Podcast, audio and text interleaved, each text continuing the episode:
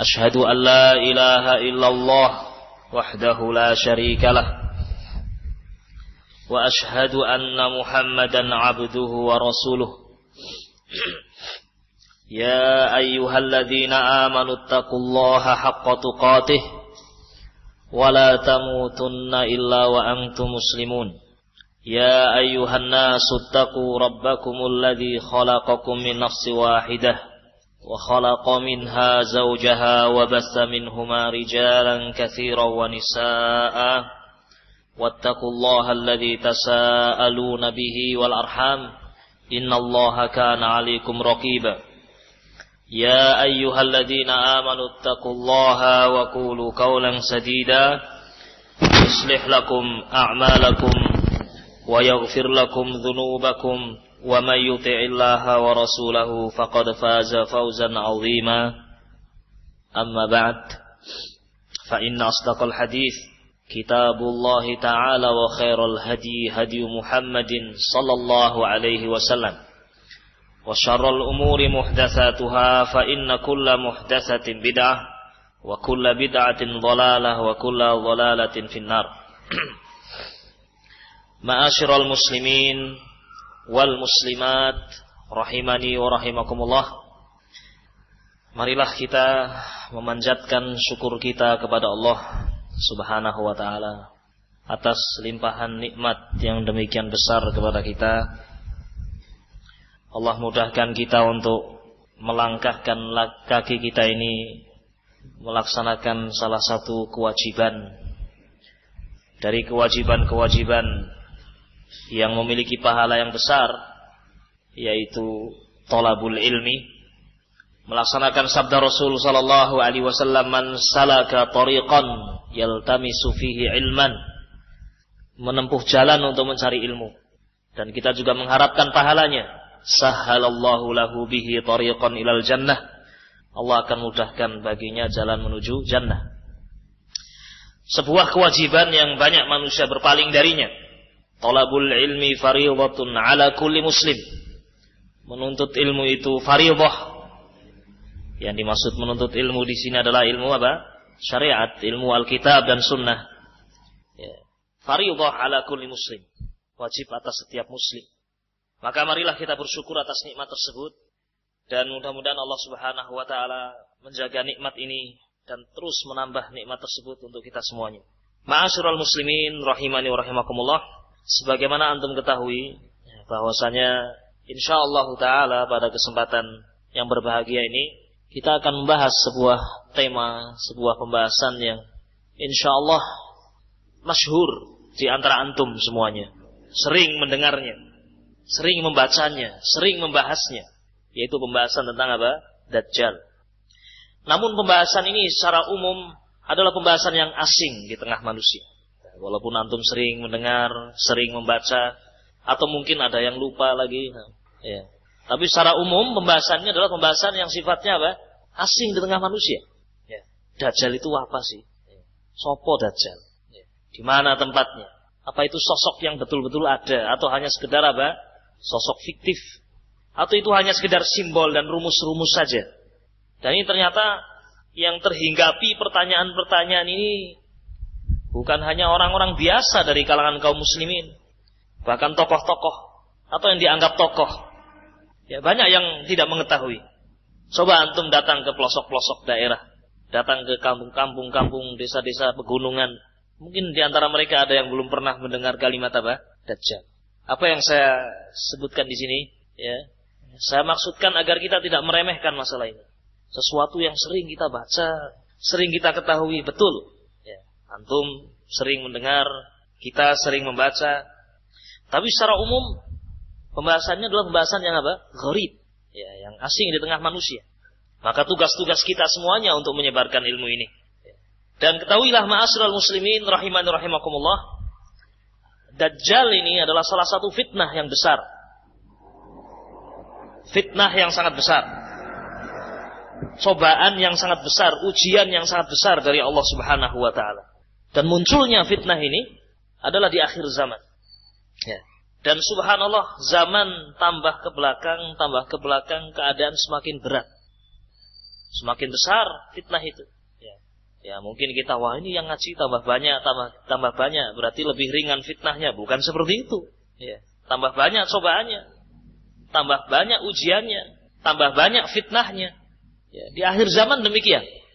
An Nabi sallallahu alaihi wasallam dalam sebuah hadis yang diriwayatkan oleh Imamul Bukhari rahimahullah dari Az-Zubair ibnu Adi rahimahullah Az-Zubair ibnu Adi mengatakan Ataina Anas bin Malik radhiyallahu taala anhu. Saya datang kepada sahabat Anas bin Malik. Fasyakauna ilaihi ma nalqa minal hajjaj. Maka kami ini mengadukan kepada Anas bin Malik tentang betapa kesusahan, betapa beratnya yang kami hadapi ketika kita harus berhadapan dengan Hajjaj bin Yusuf. Ya, ini termasuk salah satu fitnah. Ya, ke kekejaman, kezaliman siapa? Hajjaj bin Yusuf. Ya. Kita mengadukan hal ini kepada Anas bin Malik. Lalu apa kata Anas bin Malik?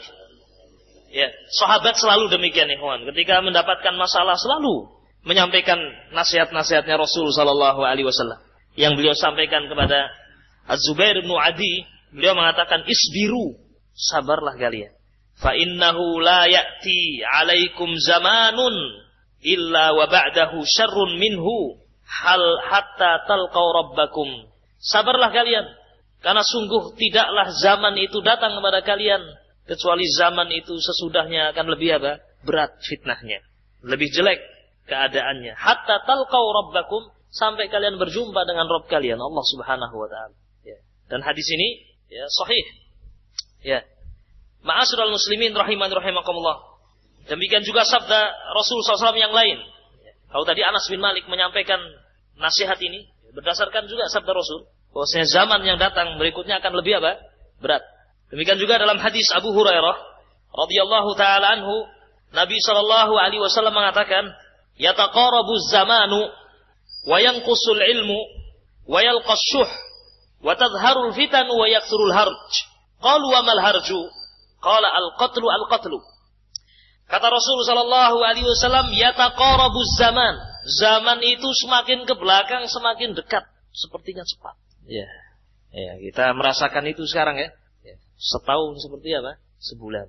Sebulan seperti seminggu. Ya taqarrabuz zaman. Atau bisa jadi maknanya ya taqarrabuz zaman adalah jarak yang jauh itu bisa ditempuh menjadi cepat sekali. Yang dulu bisa dua bulan, sekarang hanya satu jam. Ya, ya taqarrabuz zaman.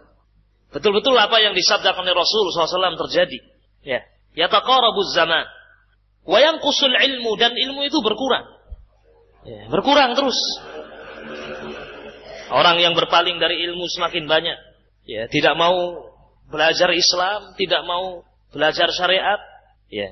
Maka ketika kita mendapatkan diri kita dimudahkan oleh Allah, ingat dimudahkan oleh Allah. Diberi taufik oleh Allah Subhanahu wa taala, bukan karena kita orang yang mulia yang memang pantas seperti ini bukan. Ini semata-mata apa? taufik dari Allah, dimudahkan untuk kita hadir di majelis ilmu, dimudahkan kita untuk menuntut ilmu. Syukuri ini. Ya. Di saat manusia mungkin tidak suka untuk menuntut ilmu. Yang kusul ilm, ilmu itu berkurang. Kemudian juga kebakhilan, bakhil itu menjadi sesuatu yang merata di tengah manusia. Nah, harul fitan dan fitan, fitnah-fitnah itu demikian banyak. Wayak surul harj dan semakin banyak harj. Di akhir zaman banyak sekali harj. Maka bertanya sebagian sahabat, "Wa mal harju ya Rasulullah?" Apa itu harju ya Rasulullah? Kata Rasul, "Al-qatlu al-qatlu." Pembunuhan, pembunuhan. Ya. Perang, pembunuhan. Ya. Ini betul-betul terjadi seperti apa yang disabdakan oleh Rasul sallallahu alaihi wasallam. Dan ini akan terus berjalan, berlangsung. Ya. Fitnah demi fitnah akan datang. Sementara kita ini manusia, makhluk yang sangat lemah, dhaif. Allah Subhanahu wa taala mengatakan berfirman wa khuliqal insanu dha'ifa dan manusia itu diciptakan oleh Allah Subhanahu wa taala dalam keadaan lemah. Allah tidak menyebutkan dalam ayat ini lemah dalam hal apa tidak. Ya. Namun Allah hanya mengatakan manusia itu diciptakan lemah. Wa khuliqal insanu dha'ifa, lemah. Artinya lemah dalam segala hal. Akalnya lemah, ilmunya lemah, kemampuannya lemah, semangatnya juga lemah ya, jiwanya juga lemah, ya, badannya juga lemah. Tidakkah kita ingat ketika kita diciptakan oleh Allah lahir dalam keadaan tidak membawa apa-apa. Tidak ada sehelai benang pun kita bawa. Tidak ada satu huruf pun yang kita hafalkan. Tidak ada satu kalimat pun yang kita ucapkan. Ya. Tidak ada satu dirham pun yang kita pegang. Ya. Kemudian sedikit demi sedikit Allah beri kita pemberian ilmu. Ya. Kita bisa bergerak, berjalan, merambat, merangkak, ya. berjalan, berlari, satu kata, dua kata, menyusun tiga kalimat. Ya. Diberi oleh Allah harta sedikit demi sedikit. Kemudian kita memiliki kusur, ya. gedung-gedung yang tinggi, taman-taman yang luas, kebun-kebun yang luas. Ya. Padahal dulu kita adalah sesuatu yang tidak disebut sama sekali. Ya. Taib. Artinya ikhwan, ketika kita mengingat diri kita lemah dan juga apa? fitnah itu demikian banyak, maka tidak ada jalan untuk kita selamat dari fitnah-fitnah itu kecuali dengan kembali kepada siapa? Allah Subhanahu wa taala. Semua fitnah-fitnah yang demikian banyak ini tidak mungkin kita akan hadapi. Tidak mungkin kita akan selamat kecuali ketika kita diselamatkan oleh Allah, ditolong oleh Allah Subhanahu wa taala. Oleh karena itu betapa banyaknya Allah Subhanahu wa taala memerintahkan kita untuk bertawun, minta perlindungan kepadanya. Betapa banyak Rasul sallallahu alaihi wasallam mencontohkan kita untuk bertawun, minta perlindungan pertolongan kepada Allah. Allah berfirman, "Qul a'udzu bi rabbin nas, malikin nas, ilahin nas, min syarril waswasil khannas." Alladhi yuwaswisu fi sudurin nas minal jinnati wan nas. Minta perlindungan pada Allah. Karena Allah saja yang bisa memberikan perlindungan kepada kita. Kul katakanlah, siapa yang diperintah di sini? Nabi SAW, Nabi. Yang jelas maksum, yang jelas ditolong. Masih diperintahkan oleh Allah. Kul katakanlah wahai Nabi, a'udzu birabbin nas. Saya berlindung pada Rabbnya manusia. Malikin nas, yang menguasai manusia. Ilahin nas, sesembahan manusia. Min syarril waswasil khannas, dari kejelekan apa? Syaitan yang membisik-bisikkan pada manusia. Juga kul a'udzu birabbil falaq al-ayah. Ya. Termasuk juga sebuah doa yang senantiasa diajarkan oleh Rasul sallallahu alaihi wasallam yang menyimpulkan permohonan kita kepada Allah agar dilindungi dari segala macam fitnah, yaitu doa yang dibaca di akhir apa? salat. Sebelum salam, sesudah tasyahud. Yaitu doa Allahumma inni a'udzubika min azabi jahannam. Wa min azabil qabri. Wa min fitnatil mahya wal mamati. Wa min syarri fitnatil masihid dajjal. Ya. Ini doa selalu kita baca setiap saat hendaknya kita renungkan kenapa kita diperintahkan untuk baca doa ini karena fitnah demikian banyak semakin hari semakin banyak semakin berat Sementara diri kita semakin lama semakin kuat atau semakin lemah? Semakin lemah, lemah. Ya. Baik. Fitnah semakin banyak, otomatis kita semakin lemah. Ya. Baik. Keluarga semakin berat, ya. fitnah mungkin, masyarakat. Ya. Kemudian apa? Pribadi juga demikian. Oleh karena itu kita banyak diperintahkan untuk membaca doa ini. Bahkan sebagian ulama ya mengatakan doa ini wajib untuk dibaca. Ya, walaupun ini bukan kesepakatan. Kalau antum lihat bukunya Syekh Al-Albani rahimahullah, kitab sifat salat Nabi, ketika membahas hadis ini, beliau memberikan judul wujubu wajibnya beristiazah dari empat hal ini. Ya. Beliau simpulkan demikian wujubu apa wujub maksudnya? Wajibnya. Hmm. Wajibnya. Walaupun itu bukan kesepakatan. Tapi karena memang pentingnya, pentingnya untuk membaca doa ini. Pentingnya untuk membaca doa ini. Allahumma inni a'udzubika min azabi jahannam. Ya Allah, aku berlindung kepadamu dari azab neraka jahanam. Wa min azabil qabri dan juga dari azab apa? Kubur. Wa min fitnatil mahya wal mamat dan dari fitnah kehidupan. Fitnah kehidupan itu ya segala macam yang kita hadapi dalam hidup ini. Al mamat, fitnah kematian, menjelang kita kematian, mati, fitnah yang demikian besar. Wa min syarri fitnatil masih dajjal dan juga dari kejelekan fitnah apa? Al-Masih ad-Dajjal. Ya. Yeah. Tidaklah Allah sebutkan ini semuanya. Tidaklah Rasul Shallallahu Alaihi Wasallam mengajarkan kita untuk berlindung dari segala macam fitnah ini, kecuali karena memang fitnah-fitnah ini akan terjadi, pasti terjadi. Tidak mungkin tidak terjadi, pasti terjadi. Ya. Termasuk juga fitnah apa? Ad-Dajjal yang menjadi pembahasan kita kali ini. Nah. Ma'asyiral muslimin rahimani wa rahimakumullah. Baik. Sebelum kita masuk pada pembahasan al-Masih ad-Dajjal, itu tadi mukaddimah yang pertama. Kemudian mukaddimah yang kedua, nah, mukaddimah yang kedua. Apa yang akan kita pelajari ini adalah permasalahan gaib. Ya. Apa yang kita pelajari ini adalah permasalahan apa? Gaib. Sehingga wajib bagi kita untuk mengimani apa yang dikabarkan oleh Allah Subhanahu wa taala dan rasulnya. Ini bukan permasalahan sesuatu yang dilihat, sesuatu yang didengar, sesuatu yang diraba, tidak. Dan di antara kekhususan akidah Islam, di antara kekhususan akidah ahlu sunnah wal jamaah, akidah Islam, akidah ahlu sunnah adalah akidah ghaibiyah. Akidah apa? Ghaibiyah, yakni dibangun di atas perkara yang gaib Coba antum lihat rukun iman. Ya. Rukun iman ada berapa? Enam. Semuanya perkara yang gaib. Iman kepada Allah. Iman kepada malaikat-malaikatnya. Ya. Iman kepada kitab-kitabnya. Iman kepada rasul-rasulnya. Iman kepada hari akhir. Iman kepada apa? Takdir. Semuanya perkara yang gaib ini. Ya. Makanya kalau kita tidak percaya kepada berita-berita gaib, sama saja kita akan menjadi orang yang kafir. Kalau kita hanya percaya perkara-perkara yang bisa didengar, dilihat, diraba, ini bakal menjadi orang kafir nanti. Ya. Karena akidah Islam dibangun di atas akidah ghaibiyah. Oleh karena itu, di awal surah Al-Baqarah, ya, ketika Allah Subhanahu wa taala memuji orang-orang yang bertakwa, di antara sifat yang paling menonjol bagi orang-orang yang bertakwa adalah mereka beriman kepada perkara yang apa? Gaib. Nah, Allah mengatakan tentang Al-Quran, hudal lil muttaqin. Ya, alif lam mim, zalikal kitabu la raiba hudal lil muttaqin. Ya, alif lam mim, zalikal kitab, kitab Al-Quran itu. La raiba tidak ada keraguan padanya. Hudal lil muttaqin, sebagai petunjuk bimbingan bagi orang-orang yang bertakwa. Alladzina yu'minuna bil ghaib. Yaitu orang-orang yang beriman kepada perkara yang apa? yang gaib. Ya. Oleh karena itu kita dapatkan di antara orang-orang yang mengingkari Dajjal adalah orang-orang yang mengedepankan akal. Seperti orang-orang Mu'tazilah. Ya. Dan juga yang lainnya. Yang sama dengan mereka, sepemikiran dengan mereka. Di antaranya ini. Lebih mengedepankan akal. Apa-apa yang tidak masuk akal mereka tidak akan terima. Apa-apa yang akal ini tidak gatuk, tidak akan dicerna oleh mereka. Demikian. Ya. Subhanallah.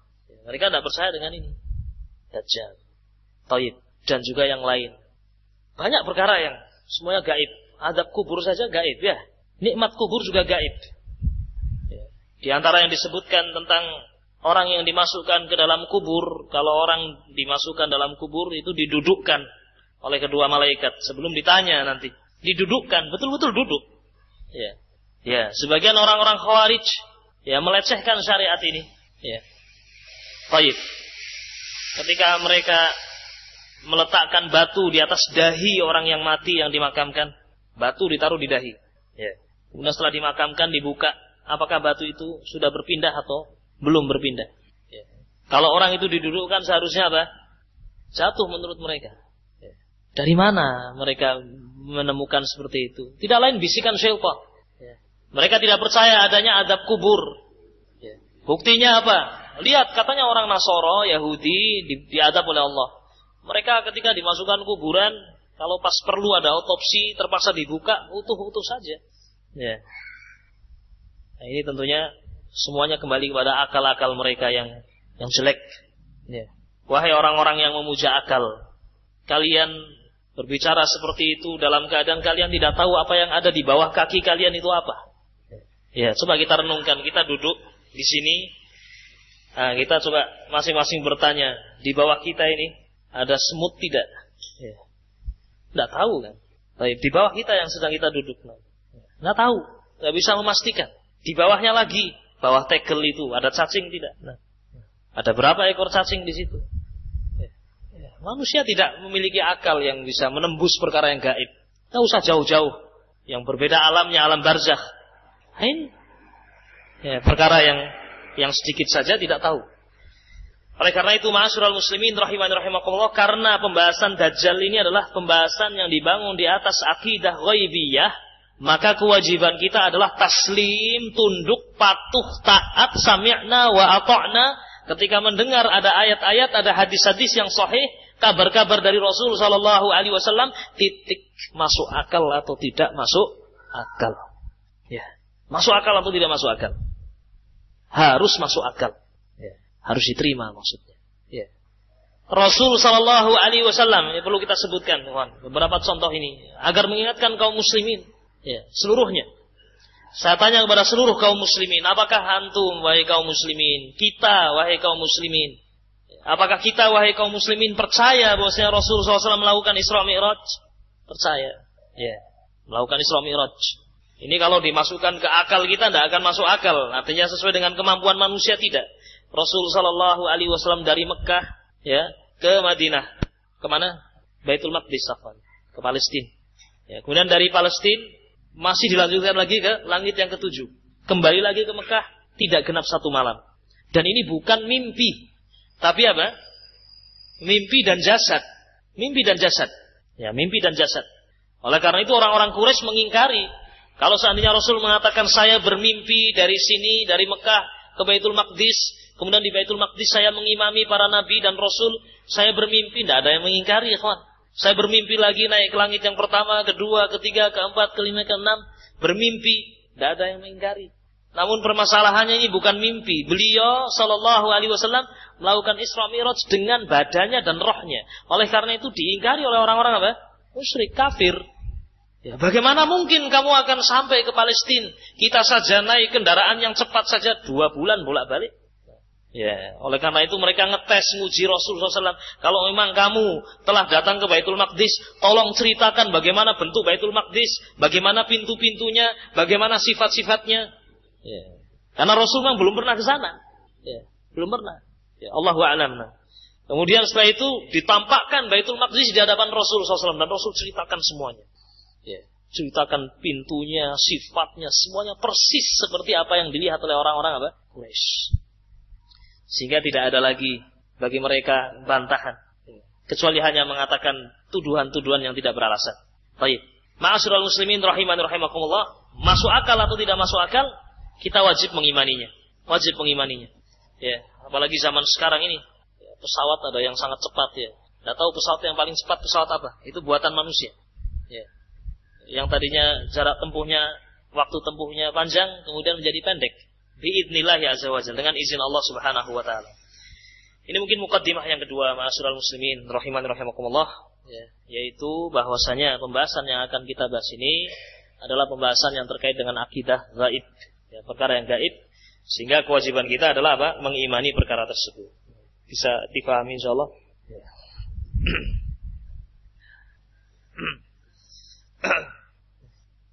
Baik.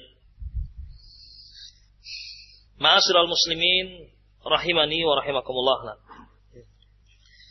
E, masuk pada beberapa pembahasan tentang dajjal. Yang pertama, ma'asyiral muslimin rahimani wa rahimakumullah. Ketahuilah bahwasanya berita-berita tentang dajjal ya adalah berita-berita yang telah ditetapkan dalam berita-berita yang mutawatir. Hadis-hadisnya mutawatir dan ini adalah kesepakatan ahlus sunnah wal jamaah. Kesepakatan ahlus sunnah wal jamaah. Dan tidak ada yang mengingkari salah satu pun dari para ulama. Ya. Dan berita-berita sekali lagi ya tentang Dajjal ini beritanya adalah berita yang apa? Mutawatir. Yang dikatakan mutawatir yaitu berita yang mencapai puncak-puncak kesohihan dan tidak diragukan lagi tentang kebenarannya. Ya. Nah. Dan banyak di antara para ulama yang menukilkan tentang apa? Tentang kemutawatirannya. Ya. Banyak sekali sahabat yang meriwayatkan hadis-hadis tentang apa? Dajjal. Dan di antara sahabat yang meriwayatkan hadis tentang Dajjal adalah sahabat Nawas ibnu Sam'an radhiyallahu taala anhu. Mungkin kita akan baca hadis ini dulu. Ya, kalau ada waktu kita akan bahas beberapa rincian tentang pembahasan Dajjal. Ya, karena kita sudah menyebutkan mukaddimah tadi. Mukaddimah bahwasanya Pembahasan kita ini adalah termasuk pembahasan apa? Gaib. Kalau sudah ada dalil, sudah kewajiban kita adalah apa? tunduk, taat. Ya. Apalagi hadis-hadisnya apa tadi? Mutawatir. Ya. Banyak sekali sahabat yang meriwayatkan. Di antaranya adalah hadis yang diriwayatkan oleh Imam Muslim rahimahullah. Oleh Imam Muslim rahimahullah. Dan ini tidak diragukan tentang kesohihannya. Insya Allah setiap kaum muslimin apa namanya meyakini ini ya dan mengetahui tentang kedudukan derajat hadis yang diriwayatkan oleh Imam apa Muslim ya. sebelumnya saya ada kisah sedikit ya. saya teringat beberapa waktu tahun yang lalu nah. ya, beberapa tahun yang lalu kurang lebih tahun 2004 kurang lebih nah. ya. atau 2003 ya saya berada di Masjid Nabawi ketika itu ya, di Masjid Nabawi saya sedang duduk di majelisnya Syekh Abdul Muhsin Al Abad hafizahullah di samping saya ada seorang jamaah haji. Ya. Jamaah haji dengan membawa HP yang cukup canggih ketika itu. Yang bisa untuk merekam, bisa untuk nulis. Nah, saya juga tidak ngerti kan. Nah, ini canggih ketika itu. Saya heran ini jamaah haji duduk di majelisnya Syekh. Ternyata bisa bahasa Arab. Bisa bahasa Arab. Jamaah haji. Bisa bahasa Arab. Ngobrol. Ya walaupun bahasa Arabnya juga tidak begitu lancar. Ngobrol Ternyata dia orang pondokan. Dia belajar bahasa Arab, juga membaca kitab, juga tahu itu keluarga keluarganya juga keluarga pondok. Artinya bukan satu hal yang asing ketika disebutkan Sahih Bukhari, Sahih Muslim, bukan hal yang asing bagi dia. Akhirnya kita ngobrol cukup lama, cukup panjang sampai kepada pembahasan Dajjal. Kemudian setelah itu saya katakan hadis tentang Dajjal itu ada pada Sahih Muslim. Loh, apa iya? Coba lihat. Artinya ada artinya berita-berita ini ternyata bukan berita yang apa? Tidak setiap orang tahu masyhur, padahal ini orang tahu bahasa Arab. Ya. Apa iya ada Sahih Muslim? Ya. Betul di Sahih Muslim. Akhirnya kita berdua, saya ajak beliau kita ke perpustakaan Masjid Nabawi. Kita masuk ke perpustakaan Masjid Nabawi dan kita carikan bukunya dan saya bacakan hadisnya. Saya tunjukkan. Baru dia, ternyata saya baru membaca ini hadis. Ya. Baik. Ya. Artinya pembahasan ini bukan pembahasan remeh di tengah kaum muslimin. Penting untuk kita apa namanya? Untuk kita jelaskan pada umat.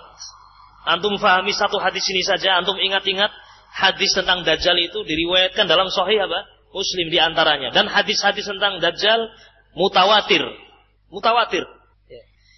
Nah, berkata Al-Imam Muslim rahimahullah, Anin Nawas ibn Sam'an radhiyallahu taala anhu annahu qala ذكر رسول الله صلى الله عليه وسلم ذات غداة فخفض فيه ورفع حتى ظنناه في طائفة النخل Sahabat Nawas bin Sam'an radhiyallahu taala anhu mengawali kisahnya. Suatu saat Rasulullah sallallahu alaihi wa ala alihi wasallam mengisahkan kepada kami, bercerita kepada kami di suatu pagi ya tentang Dajjal Rasul bercerita tentang Dajjal di hadapan para sahabat. Ya, apalagi kita ini butuh sekali ilmu tentang ini. Sahabat saja terus diajari tentang apa? Dajjal. Mengenal, mempelajari, mengingatkan. Ya. Apalagi kita sering lupa, sering hilang ilmu itu. Diceritakan oleh Nawas bin Sam'an suatu saat di waktu pagi Rasul SAW menceritakan tentang Dajjal. Fakhaffadha fih. Kemudian beliau Sallallahu Alaihi Wasallam merendahkannya ini menceritakan, merendahkan cerita tadi, kemudian meninggikannya. Jadi sangat semangat beliau menceritakan. Berpanjang lebar beliau cerita tentang Dajjal. Ya. Semangat beliau menceritakan Dajjal. Saking semangatnya Rasul Sallallahu Alaihi Wasallam, hatta zonanna hu fi ta'ifatin nakhli. Sampai kita para sahabat menyangka Dajjal itu sekarang sudah keluar di salah satu kebun korma di kota Madinah. Dan sekarang datang. Sudah ada. Taib. Falamma ruhna ilaih, kita pun pergi ke sana.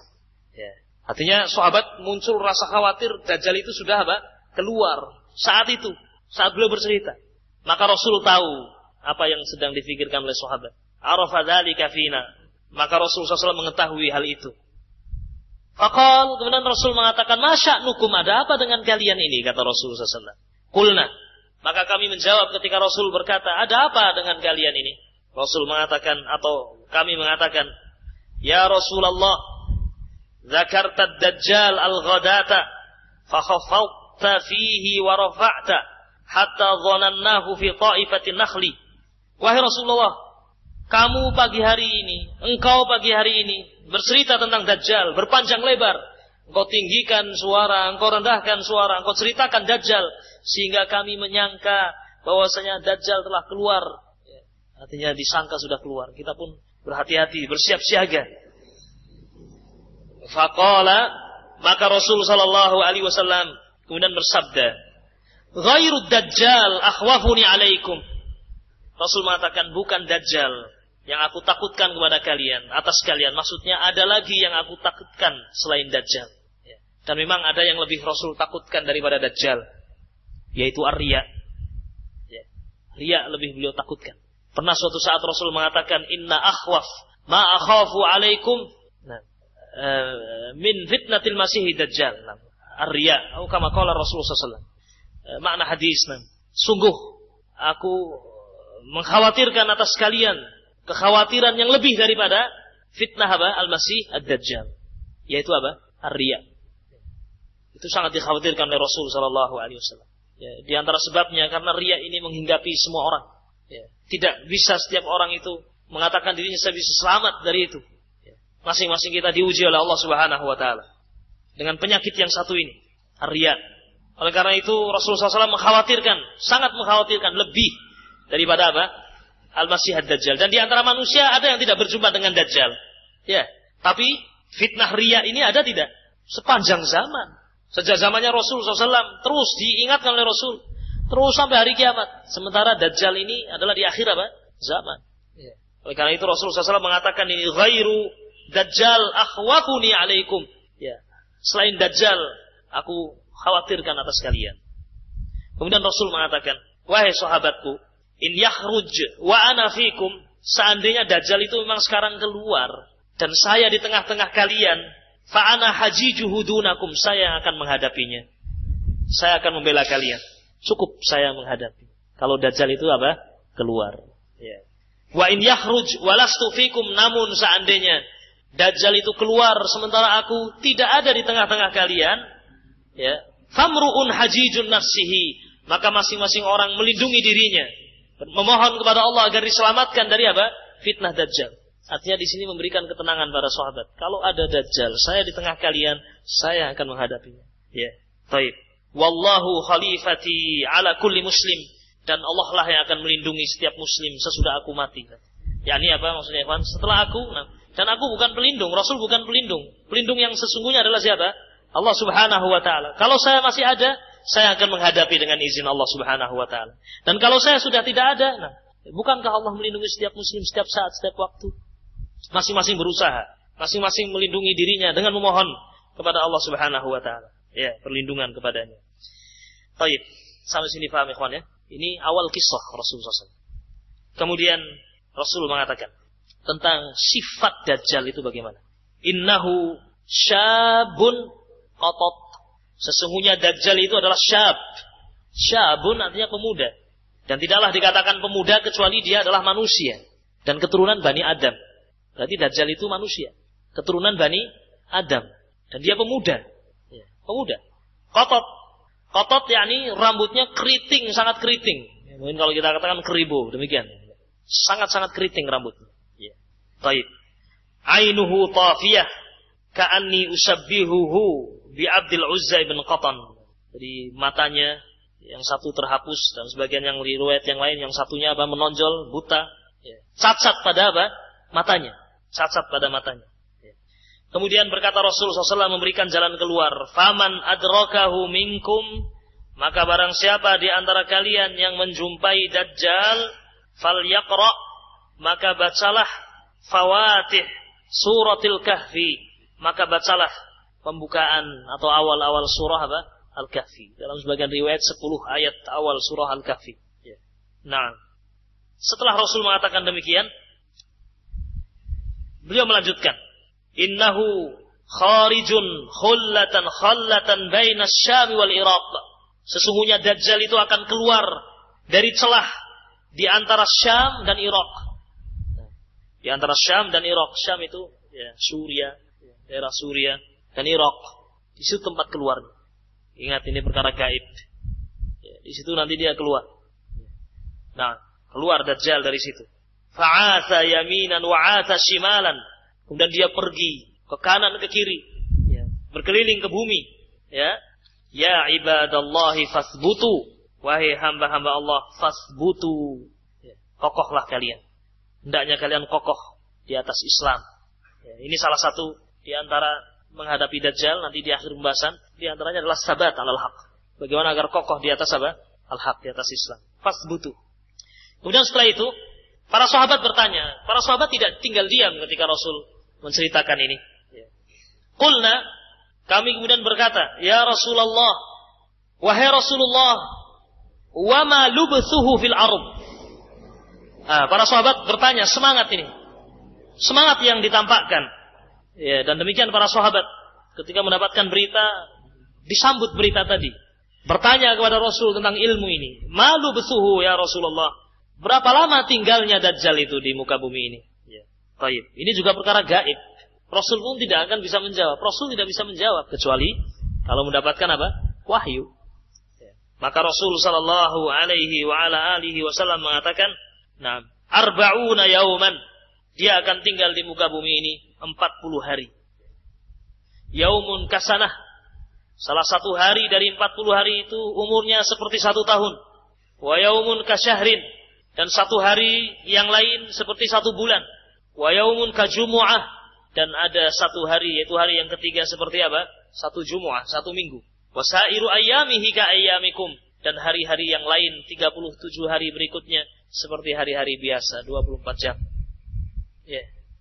Nah, ini tinggalnya Dajjal di muka bumi ini. Umurnya 40 apa? Hari. Satu hari seperti satu tahun. Yaumun kasanah, yaumun kasyahar, yaumul yaumun kajum'ah wa sairu ayyamihi ka ayyamikum dan sisa-sisa harinya adalah seperti hari-hari kalian ya. ini kalau orang-orang yang apa namanya bangga dengan ilmu sombong dengan ilmu apa namanya eh, pengetahuan ya mengatakan apa mungkin matahari kan berjalannya jelas ya, ya.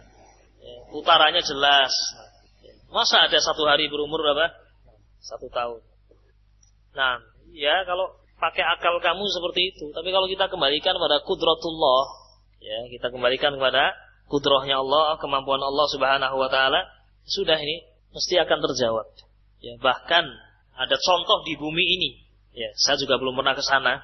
Allah Allah mungkin antum ada yang pernah ya bisa bisa menceritakan sebagai faedah ya, kalau sudah pernah ke sana di kutub utara dan kutub apa selatan. Ya. Nah, baik. Itu ada daerah yang umur malamnya itu enam bulan. Dikatakan demikian. Atau paling tidak harinya itu matahari kelihatan cuma dua apa? Dua jam. Selebihnya gelap. Ya, ya selebihnya gelap. Sementara siangnya hanya berapa hari? Dua hari. Ya. Itu ada sekarang ini. Di bumi ini juga. Ya. ya. Wong di antara satu daerah dengan daerah yang lain juga kadang beda. Ya. Ya. Panjang siangnya beda dengan panjang apa malamnya. Perubahannya cukup drastis. Kalau di Indonesia mungkin tidak begitu. Ya. Baik.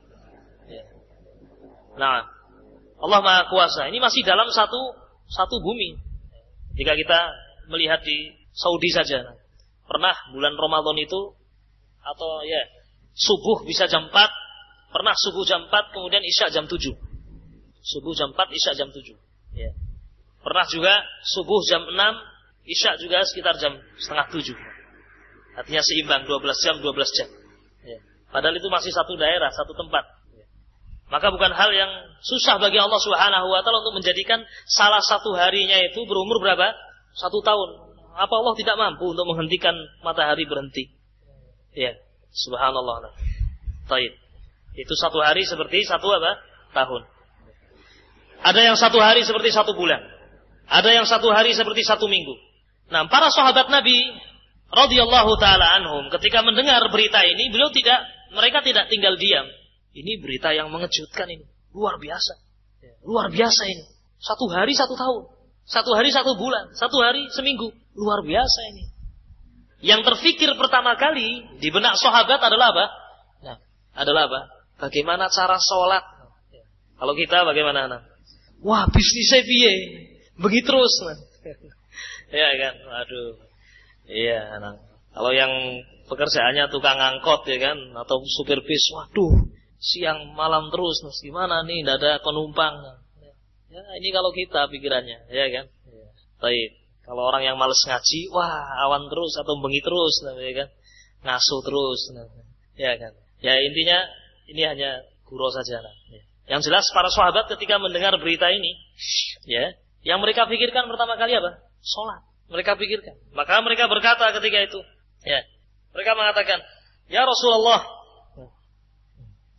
fadalikal yaum alladhi kasanah atakfina fihi salatu yaum Ya Rasulullah, di hari yang satu hari itu bernilai satu tahun, apakah cukup bagi kita untuk melakukan sholat lima kali saja? Subuh, duhur, asar, maghrib, isya. Kala kata Rasulullah, tidak, tidak. Ukduru lahu qadrahu. Ukduru lahu qadrahu. Ukurlah ukurannya. Ukurlah ukurannya, diperkirakan. Karena ini perubahan yang sangat drastis. Kemarin, hari kemarin itu wajar-wajar saja. Sekarang berubah. Luar biasa. Allah Maha Kuasa. Kemarin satu hari 24 jam, sekarang satu hari berapa? 365 hari. Nah, saya tanya apakah ketika itu ada orang muslim? Hah? Ada tidak orang muslim ketika itu? Haji ibu ya ikhwan. Harus dijawab nih. Hah? Ini perkara gaib atau perkara apa nih? Gaib ya? Dari mana antum tahu ada? ah, hewan. Juga nanti ada kisah seorang laki-laki yang dia apa? dibelah oleh Dajjal. Ada orang muslim. Artinya ilmu ini harus terus dijaga ya hadis ini. Ya. Ilmu ini belum dipakai mungkin saat ini. Belum ada yang memakai satu hari berapa? Satu tahun. Tapi nanti. Makanya ilmu ini terus dijaga oleh Allah. Subhanallah. Ini terus dipelajari. Sampai akhir zaman nanti. Dan orang tahu hadis ini. Orang-orang yang beriman, ahlu sunnah wal jamaah terus mempelajari hadis ini. Sampai hari datangnya Dajjal. Ya. Orang tadi mengatakan, Ya Rasulullah, sahabat tadi, para sahabat mengatakan, Ya Rasulullah, satu hari yang berumur satu tahun itu, cukupkah kita sholat lima kali? Kata Rasulullah, tidak. Ukurlah ukurannya. Ukur ukurannya. Yakni, lakukan sholat subuh. Nanti dihitung kira-kira ya 12 jam, langsung sholat apa? Duhur. Tiga jam lagi sholat apa? Asar. Tiga jam lagi sholat maghrib. Dua jam lagi sholat isya. Terus demikian terus. Ya, berlangsung, berlangsung. Ya. Dan itu mudah insya Allah. Jadi ketika itu ahlu sunnah wal jamaah mengamalkan ini hadis. Ya. Insya Allah taala. Mudah-mudahan kita diselamatkan dari fitnah dajjal. Ya. Baik. Demikian juga berarti hari berikutnya yang berumur berapa? Satu bulan. Demikian juga hari berikutnya berumur nah, baik, satu hari eh, satu minggu. Dan disebutkan oleh para ulama termasuk yang mensyarah hadis ini di antaranya bagi orang-orang yang berada di daerah kutub, kebetulan di kutub. Ya. ya di mana siangnya hanya dua apa? Dua jam. Ya. Nah itu bagaimana sholatnya? Sholat tuhur, asar kan di waktu siang. Maghrib ketika tenggelam itu subhanallah luar biasa, tidak bisa itu. Ya. Nah. Oleh karena itu diperkirakan seperti apa? Seperti keadaan normal yang paling dekat dengan negara tadi. Ya. Diperkirakan dengan keadaan normal yang ada di e, negara dekatnya. Demikian Allah alam. Taib. Kemudian ada faedah lagi mungkin. Sebagian ulama memberikan faedah dan ini faedahnya penting. Ya. Ini satu hari berumur satu tahun. Berarti wajib zakat tidak bagi orang yang punya harta. Ya. Syarat zakat apa? Satu nisab. Yang kedua apa? Haul. Orang yang tinggal di hari itu, ya, ya memiliki harta sampai nisabnya. Ya. Datang waktu matahari terbit sampai kemudian tenggelam di hari itu Ya ini sudah genap satu tahun, satu hari tapi umurnya satu tahun. Bayar zakat tidak? Hah? Sama bayar zakat. Sebagaimana sholat juga demikian tadi. Tidak cukup. Berapa? Lima kali. Bayar zakatnya. Karena genap satu haul. Mungkin ada pertanyaan lagi. Bagaimana puasa Ramadan? Ada tidak? Demikian juga. Ya. Taib. Ukurlah. Setiap hari kan sholat. Lima kali, lima kali, lima kali, lima kali. Datanglah bulan apa? Ramadan diperkirakan bulan puasalah. Ya. Nah, wallahu a'lamu bissawab. Syekh Muhammad bin Shalih Al-Utsaimin rahimatullah alaih menyebutkan faedah tersebut. Bila itu.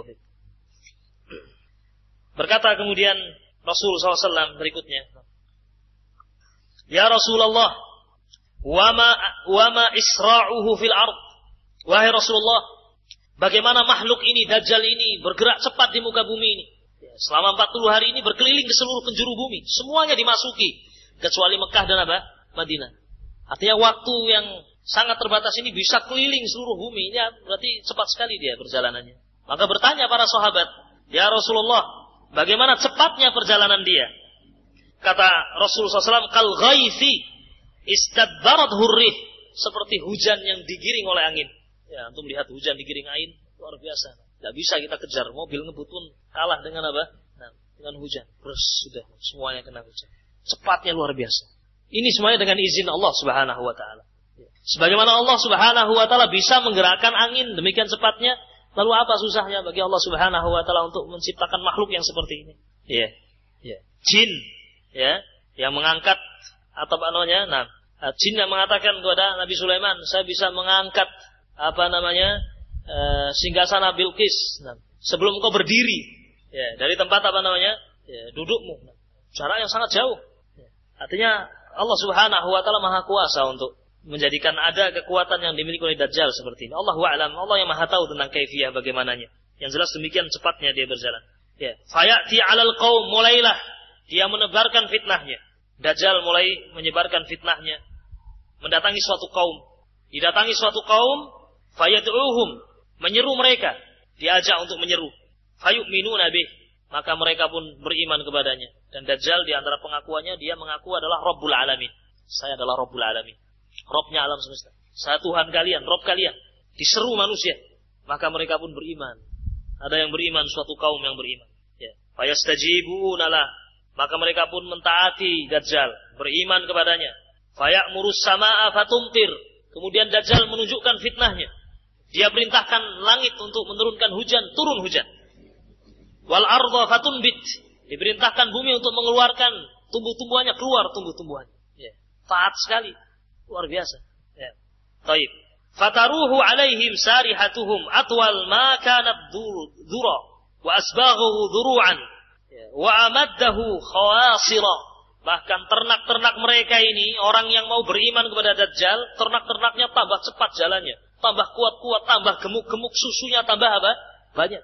Tambah hasil. Ya. Summa ya'til qaum. Kemudian Dajjal pergi lagi mendatangi suatu kaum. Fayad'uhum. Kemudian menyeru mereka. Ya. Fayarudduna alaihi qawlahu. Namun kaum tadi ya, tidak mau beriman kepadanya. Tidak mau beriman. Fayansarifu anhum. Maka Dajjal meninggalkan mereka. Ya. Fayusbihuna mumlihina. Laisa biaidihim syai'un min amwalihim. Ya. Tiba-tiba kaum tadi yang tidak mau beriman kepada Dajjal terputus hujan darinya. Tidak lagi ada hujan. Paceklik. Ya. Sehingga di tangan-tangan mereka tidak lagi memegang harta. Fakir. Ya. Baik. Demikian kaum yang tidak mau beriman. Ini fitnah yang besar sekali, ya, Luar biasa. Ya. Dia melakukan amalan-amalan yang sepertinya adalah amalan-amalan Rabbul Alamin. Ya tidak?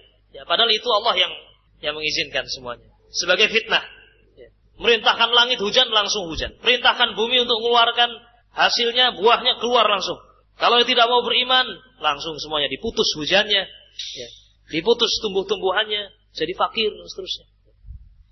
Fayamuru bi kharibah bil kharibah. Nah, kemudian di antara fitnahnya Dajjal melewati sebuah kampung atau negeri yang sudah rusak binasa. Orang tidak punya harapan ada hasil di situ. Ya. Ya, sama kalau kita melewati suatu daerah yang mungkin tidak mungkin diatur, tidak mungkin ditanami lagi, ya sudah tidak dipedulikan lagi, serah mungkin kasil kan begitu. Demikian. Nah, suatu saat Dajjal melewati ini. Yamuru bil kharibah. Melewati tempat yang sudah rusak, binasa. Fayakululaha. Kemudian Dajjal mengatakan kepada bumi yang sudah gersang tadi. Ukhruji kunuzaki. Keluarlah. Atau keluarkanlah perbendaharaan kekayaanmu.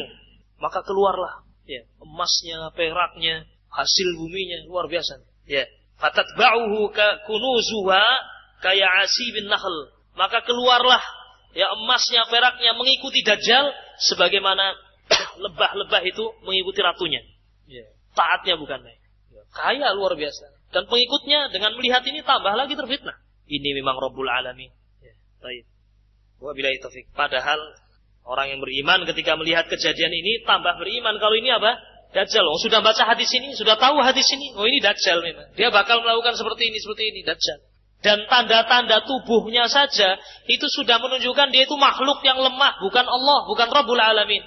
Masa Rabbul Alamin matanya apa? Buta, bicek. Ya, kan? Tidak bisa dia perbaiki dirinya. Naudzubillah min dzalik. Masa Rabbul Alamin ada tulisan di jidatnya apa? Kafaro. Tidak bisa dia hapus. Tidak bisa menghapus kalimat itu. Ya. Orang beriman, coba hapus itu kalimat kafaro. Tidak bisa. Ya. ya. Taib. Cat-catnya. Ya. Pendek dia. Besar tapi pendek. Ya, bisa bayangkan rambutnya keritingnya luar biasa. Matanya buta sebelah, satu menonjol keluar, yang satu tertutup dengan dagingnya. Ya. Jelek. Tapi demikianlah, ketika tidak ada iman, ketika hawa nafsu melingkupi, banyak orang-orang yang apa? Yang mengikutinya. Nanti kita akan tambah riwayat-riwayat yang lain. Kita selesaikan dulu hadis Nawas bin Sam'an ini sebagai apa? Inti pembahasan kita. Ya. Bismillah. Kemudian ma'asyiral muslimin rahiman rahimakumullah. Summa yad'u rajulan mumtali'an syababan. Maka kemudian dipanggillah seorang laki-laki ya, yang yang kuat, laki-laki yang sedang uh, mencapai puncak kepemudaannya. Ya.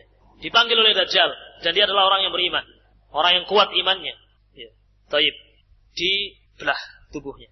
Fayadribuhu bisayf, fayaqta'uhu jizlataini ramyatal gharadi, thumma yad'uhu fayuqbilu wa yatahallalu wajhuhu yadhaku.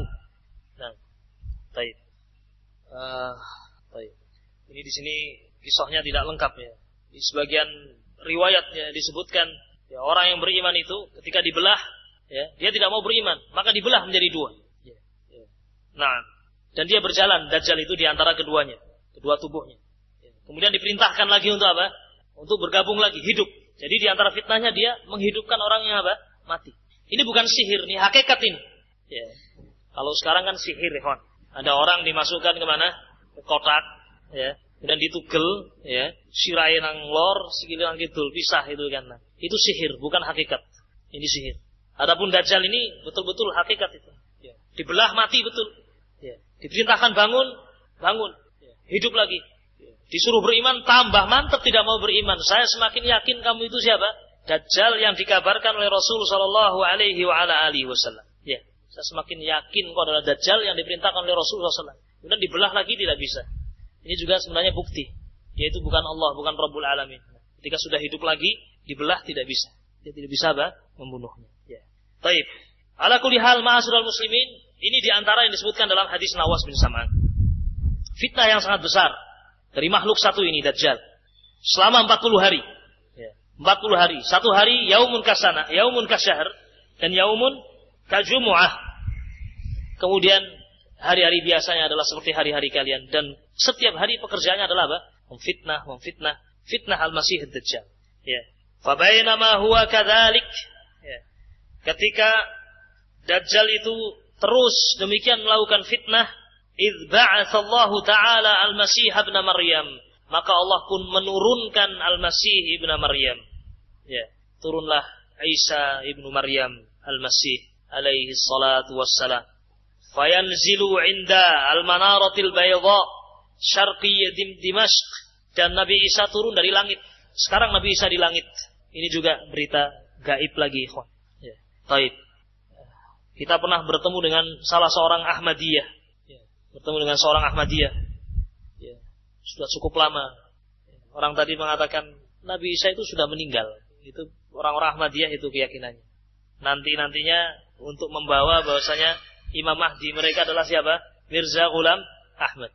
Ya, ya. Jadi Imam Mahdi itu Mirza Ghulam Ahmad. Dan Nabi Isa itu sudah meninggal. Di antara mereka katakan, demikian bodohnya dia mengatakan, kalau Nabi Isa itu masih hidup di langit, terus makan apa? Nah, subhanallah. Ya, luar biasa ya kawan. Sampai bingung, saya kita mau bantah pakai apa? Ini orang sudah akalnya sudah tidak ada, ikhwan. Ya. Tidak ada akalnya. Ya. ya. Loh memang siapa kamu? Nah? Ya. Ya. Subhanallah. Dulu di zaman Rasul tidak pernah terbayang, ya, di ketinggian beberapa kilo, ya, di atas bumi itu ada manusia terbang sambil makan pagi, sore, siang, malam, ya enggak? Nah, sekarang terbayang tidak? Ya di pesawat itu, nah, ya, ya kan? Terbang semuanya kan? Ya, ya munggah melu munggah, medun melu medun kan itu kan. Ya, luar biasa sambil makan enak, minum enak. Ya. ya memang mereka sudah tidak berakal memang. Ya. Taib itu orang-orang Ahmadiyah. Ya. Subhanallah yang seperti ini tidak pantas terbersit pada diri seorang muslim. Kalau ada pertanyaan, terus makan apa? Ya. Allah yang memberikan rizki. Terus siapa lagi kalau bukan Allah? Ya. Nah, wabillahi taufik. Coba ingat di zamannya Nabi Isa alaihi salatu wasalam ketika pengikutnya minta kepada Allah agar Allah menurunkan makanan dari langit, betul-betul turun makanan dari langit. Demikian ma'asyiral muslimin rahiman rahimakumullah. Ala kulihal Nabi Isa sekarang masih hidup dan belum di belum meninggal, tidak disalib, ya. tidak dibunuh, Bahkan mungkin sebagian kaum muslimin tidak tahu akidah ini. Allah Subhanahu wa taala berfirman dalam Al-Qur'an, "Wa ma qataluhu wa ma salabuhu walakin syubbiha Mereka tidak membunuh Nabi Isa. Mereka tidak menyalib Nabi Isa. Isa. Namun yang dibunuh dan yang disalib itu adalah orang yang diserupakan dengan siapa? Nabi Isa alaihissalatu wassalam. Adapun Nabi Isa di atas, barrafa'ahu Allah ilaih. Bahkan Allah mengangkat Nabi Isa di sisinya. Allah memberikan rizki kepadanya. Ya. Allah alam bagaimana kita dia tahu? Apakah Nabi Isa tertidur tidur Allah alam? Ya, bukankah Ashabul Kahfi 309 tahun tidak makan, tidak minum, aman-aman saja, sehat-sehat saja, tidak ada perubahan, tidak ada yang ma tidak makan, tidak minum. Ya. Allah Subhanahu wa taala menjaga, Allah Subhanahu wa taala yang memberikan rizki. Baik, turun Nabi Isa alaihi salatu wasalam. Nabi Isa alaihi salatu wasalam turun dan telah ditetapkan turunnya di mana? Kita juga harus apa? Yakin. Turunnya itu adalah di Menara Putih di sebelah timur Damaskus. Ya. Ya. Dan itu subhanallah pasti terjadi di menara itu, menara putih. Ya. Dan mesti akan berwarna putih. Walaupun sekarang misalnya ada orang yang merubah warnanya, nanti ketika kejadian ini mesti berwarna apa? Putih. Tidak akan turun di tempat yang lain Nabi Isa itu. Alaihi salatu wassalam. Turun di situ. Wadi'an kaffaihi ala ajnihati malakain. Ketika itu Nabi Isa alaihi salatu wassalam ya, di bersama dengan apa? Dua malaikat. Ya, berada di antara dua malaikat turun. Ida taqta'a ra'sahu jika beliau menundukkan apa namanya? Menundukkan kepalanya, maka akan apa? Menetes. Ya. Taib. Menetes yang tetesan-tetesan ini seperti luk-luk. Ya, permata-permata yang yang apa namanya? keluar, ya, menetes seperti itu. Dan subhanallah di antara keajaiban yang terjadi, mukjizat yang terjadi, fala yahillu likafirin yajidu riha nafasihi illa mat. Ya. Wa nafasuhu yantahi ila haitsu yantahi tarfuh. Dan Nabi Isa alaihi salatu wasalam, ya, beliau bau nafasnya. Jadi kalau beliau bernafas, nah, bau nafasnya beliau tidaklah ada orang kafir yang mencium bau nafasnya siapa? Nabi Isa alaihi salatu wasalam kecuali akan mati. Ya, akan mati. Padahal nafasnya Nabi Isa alaihi salatu wasalam itu bisa dicapai sejauh mata beliau memandang. Ya. Itu nafasnya Nabi Isa alaihissalam ketika itu. Ya. Sekali-kali jangan, oh apa mungkin? Ya, kalau kita pikir kita tidak bisa. Nafas kita saya bernafas di sini, antum tidak tahu. Ya kan? Ya kan, Ikhwan? Ya. Tidak tahu. Nah. Antum tidak tahu bau mulut saya ini wangi atau tidak, ya kan? Nah, tidak tahu antum ya. Padahal berapa meter, nah. Allah Allah mungkin ada yang saya tahu tak, nah. Antum makan pete tadi, kan? Mungkin bisa jadi. Nah. Ya. Kan tidak tahu antum, Ikhwan. Jarak dekat. Wabillahi taufik. Adapun Nabi Isa alaihi salatu wasalam nafas beliau, nafas yang mulia. Ya. Tidaklah nafas beliau tercium oleh orang kafir, ya, kecuali orang kafir itu akan apa? Mati. Wa nafasuhu padahal nafasnya Nabi Isa yantahi ila haitsu yantahi tarfuh sampai sejauh pandangannya, sejauh mata memandang. Itu nafasnya Nabi Isa. Ya. Ya, bagaimana Dajjal ketakutannya, ikhwan. Dajjal itu kafir luar biasa. Ya. Fayatlubuhu hatta yudrikahu bibabi Lut dikejar oleh Nabi Isa alaihi salatu wasallam. Nah, dan disebutkan e, dalam riwayat yang lain sekali lagi kisah tentang Dajjal ya tentang Nabi Isa ini hadis-hadisnya apa tadi? Mutawatir. Jadi bukan hanya satu hadis ini saja. Ini kalau kita ceritakan hadis ini tidak lengkap. Kalau kita kumpulkan semua hadis, semua hadis dari banyak sahabat itu akan muncullah cerita-cerita atau kisah yang yang lengkap tentang Dajjal. Tentang Nabi Isa alaihi salatu wasallam dikisahkan itu turunnya di waktu apa? subuh, di waktu subuh. Ketika itu kaum muslimin ya sedang sholat, ya ditegakkan sholat iqamah dan yang akan menjadi imam ketika itu adalah siapa? Imam Mahdi. Imam Mahdi adalah keturunan Nabi Muhammad SAW. Dari jalannya siapa? Nah, uh, Al Hasan ibnu Ali. Nah, dari Fatimah. Ya. Taib. Ketika akan sholat turun Nabi Isa alaihi salatu Ya. Maka begitu tahu, semuanya langsung tahu ini siapa Nabi Isa. Dari mana mereka tahu ikhwan? Iman ini ikhwan hadis ini sampai kepada mereka. Ini semua jawaban tadi. Kalau ada pertanyaan, ada ada orang muslim ketika itu? Ya, bahkan kaum muslimin yang terbaik juga ada ketika itu. Ya, Imam Mahdi. Ya. Taib. Turun Nabi Isa alaihi salatu wasalam di waktu itu. Kemudian eh, Imam Mahdi nah, mempersilahkan agar siapa? Nah, Nabi Isa alaihi salatu wasalam menjadi imam. Ya. Namun Nabi Isa mengatakan, iqamah ini ditegakkan untuk kamu, untuk engkau. Ya. Taib. Dan tidaklah Nabi Isa itu turun ke muka bumi kecuali untuk menegakkan syariat siapa? Nabi Muhammad sallallahu alaihi wa ala alihi wasallam. Dan di sini juga ada faedah ya, bolehnya seorang yang afdol itu sholat di belakang orang yang apa? Mafdul. Ya, tidak diragukan bahwasanya Nabi Isa alaihi wasallam lebih mulia daripada siapa? Imam Mahdi. Imam Mahdi ini wali Allah, bukan apa? Bukan nabi. Nabi Isa nabi. Sholat di belakang nah, Imam Mahdi. Ya. Ini juga mengajarkan kita tawaduk Ya, tawadu mengajarkan kita tawadu. Ya, dengan tawadu ini banyak menyelesaikan banyak problema. Banyak masalah akan terselesaikan. Tawadu. Ketika seorang lebih mengedepankan ambisi, mengedepankan pendapatnya, ya, mengedepankan harus saya, nah, wah ini bahaya. Nah, dalam keluarga juga parah ya kan, bisa gawat ya kan. Ya. Mbok ini kalau bapak ini rebutan. Ya. Pokoknya mbok ini kudu menang. Bapak ini sih kudu menang. Nah, anaknya melu-melu ya kan. Semuanya parah nanti.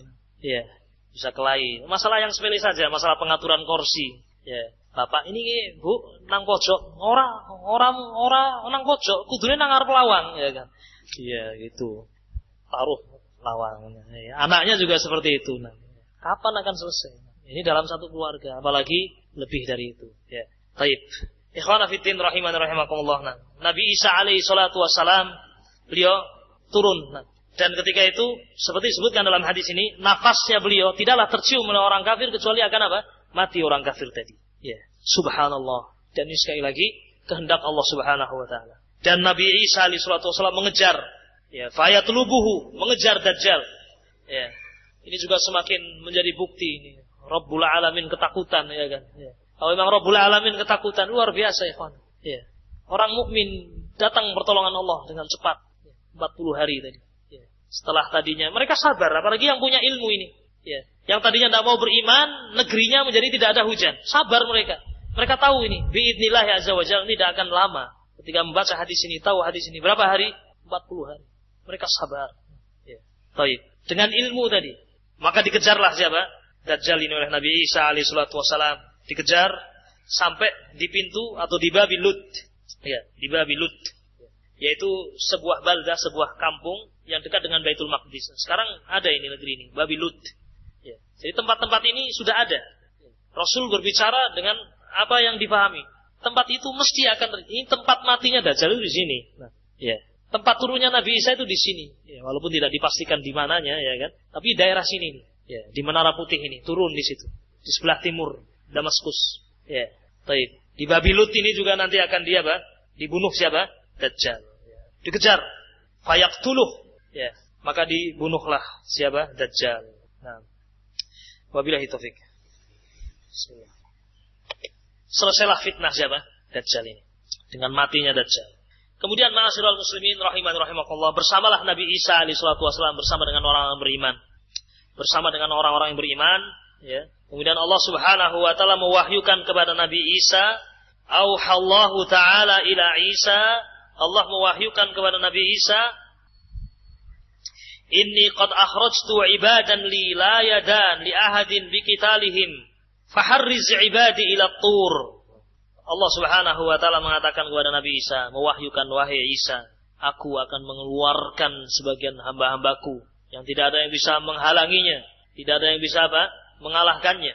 Maka bawalah orang-orang yang beriman ya, ke tempat yang tinggi, ke Tur, Gunung Tur atau ke Tur, gunung. Maka Nabi Isa alaihi segera pergi bersama dengan siapa? Orang-orang yang beriman di tempat yang Allah Subhanahu wa taala telah apa? perintahkan, izinkan. Dan ketika itu Allah Subhanahu wa taala keluarkan siapa? Ya'juj dan Ma'juj. Wa yab'atsullahu Ya'juj wa Ma'juj wa hum min kulli hadabin yansilun. Dan Ya'juj dan Ma'juj ini sudah ada saat ini. Ya. Ya. Kok dicari ya, tidak akan ketemu ilmu Ya mungkin di antara orang kafir ada yang mengatakan, "Enggak, kita tidak ketemukan itu tadi." Ya, juz majuz di mana? Bentengnya Zulkarnain itu di mana? Ya, taib. Allahu a'lam ikhwan. betapa terbatasnya ilmu manusia. Ya, ya. Sayap Adam air, ya, yang jatuh di mana? Sudah ketemu belum? Yang mengikuti berita. Nah, dicari ke mana-mana, ketemu ya. ya. Baik. Itu baru sesuatu yang kejadiannya. Ya. Sesuatu yang sepele, yang remeh. Ya. Jasad para nabi dan rasul yang berjumlah 124 ribu sekarang utuh di muka bumi. Jadi di dalam bumi. Karena semua nabi dan rasul diharamkan jasadnya untuk dimakan oleh apa? Bumi. Ya. Taib. Tidak ada yang bisa mengetahuinya. Allah menjaganya. Ya. Taib. Maka Allah pun mengutus Ya'juj wa Ma'juj. Keluarlah Ya'juj wa Ma'juj. Ya. Maka mereka sampai kepada sebuah danau yang bernama Danau Tobariyah. Buhairah Tobariyah. Dan Danau Tobariyah itu sekarang ada. Danau Tobariyah itu. Dan menjadi sumber utama air orang-orang Bani Israel. Ya. Sekarang menjadi apa namanya sumber utama pengairan orang-orang apa Bani Israel. Kita tidak katakan orang Israel. Ya. Orang-orang Bani apa? Israel Yahudi. Ya. Dan mereka sangat menghormati ini, memanfaatkan air ini betul sebagai air bersih saat ini. Danau Tobariyah. Ya. Dan Rasul pernah mengabarkan Danau Tobariyah ini akan kering dan betul-betul kering. Dan keringnya itu diminum oleh siapa? Yajuj wa Majuj ini. Fayasrabuna ma fiha wa yamurru akhiruhum fayaquluna laqad kana bihadhihi marratan ma'un Ya, ketika yang terakhir sampai mau jatah minum tidak ada, tidak ada air, man. habis semuanya air. Ya, baik. Sementara ini betul dikabarkan habis. Ya, habis. Ya. Wa yuhsaru Nabiullah Isa dan ketika itu Nabi Isa terkepung ya di atas tempat yang tadi telah Allah perintahkan Nabi Isa untuk bersama dengan orang-orang beriman. Ya. Terkumpul di tempat tadi, terkurung. Ya. Sampai dikatakan oleh Nabi kita Muhammad Sallallahu Alaihi Wasallam, ya, hatta yakuna ra'su sauri li ahadihim khairan min mi'ati dinar li ahadikum al-yaum. Ya. Taib. Sampai karena mereka ini terkepung ya, kepala sapi ya, itu lebih baik daripada 100 dinar ya, yang kalian miliki. Jadi uang emas itu tidak ada nilainya sama sekali. 100 dinar itu tidak ada harganya. Ya, taib. Lebih berharga kepala apa namanya? Kepala sapi. Ya, terkepung dalam keadaan demikian. Sampai kepala sapi itu ya, lebih berharga dari 100 dinar. Ya, baik. 100 dinar ya sangat banyak, ya, sangat banyak. Baik. Kalau satu dinarnya 4,25 gram, berarti 100 dinar berapa? 425 gram. Ya. Berapa 425 gram? Berapa juta nanti? Itu untuk beli kepala sapi aja tidak dapat. Ada kepala sapi itu lebih apa? Lebih berharga ketika itu. Ya. Baik. Ikhwan fiddin rahimani rahimakumullah. Nah, kita selesaikan sedikit ikhwan. Fayarghabu Nabiullah Isa wa ashabuh radhiyallahu anhum. Maka Nabi Isa alaihi salatu wasalam dan kaum mukminin berdoa kepada Allah memohon pertolongan. Ya, memohon pertolongan. Sampai akhirnya Allah Subhanahu wa taala mengutus ya, memberikan pertolongan kepada Nabi Isa alaihi salatu wasalam, yaitu dengan Allah Subhanahu wa taala mengutus di antara apa namanya tentaranya yaitu seperti ulat. Ya, ulat-ulat itu dilemparkan ya Ya, kemudian mereka ini memakan dan membunuh apa? Ya'juj wa Ma'juj. Ya, padahal ulat. Nah, taib. Maka jadilah mereka ini semuanya bangkai. Bangkai.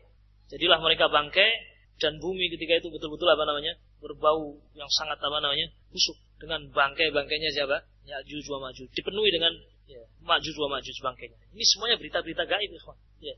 Orang-orang kafir tidak akan percaya ini. Ya. Namun orang-orang yang beriman, nah, mengimani ini semuanya akan menjadi penuh bumi itu dengan bangkai-bangkai Ya'juj wa Ma'juj dan memiliki bau yang sangat ya. Baik.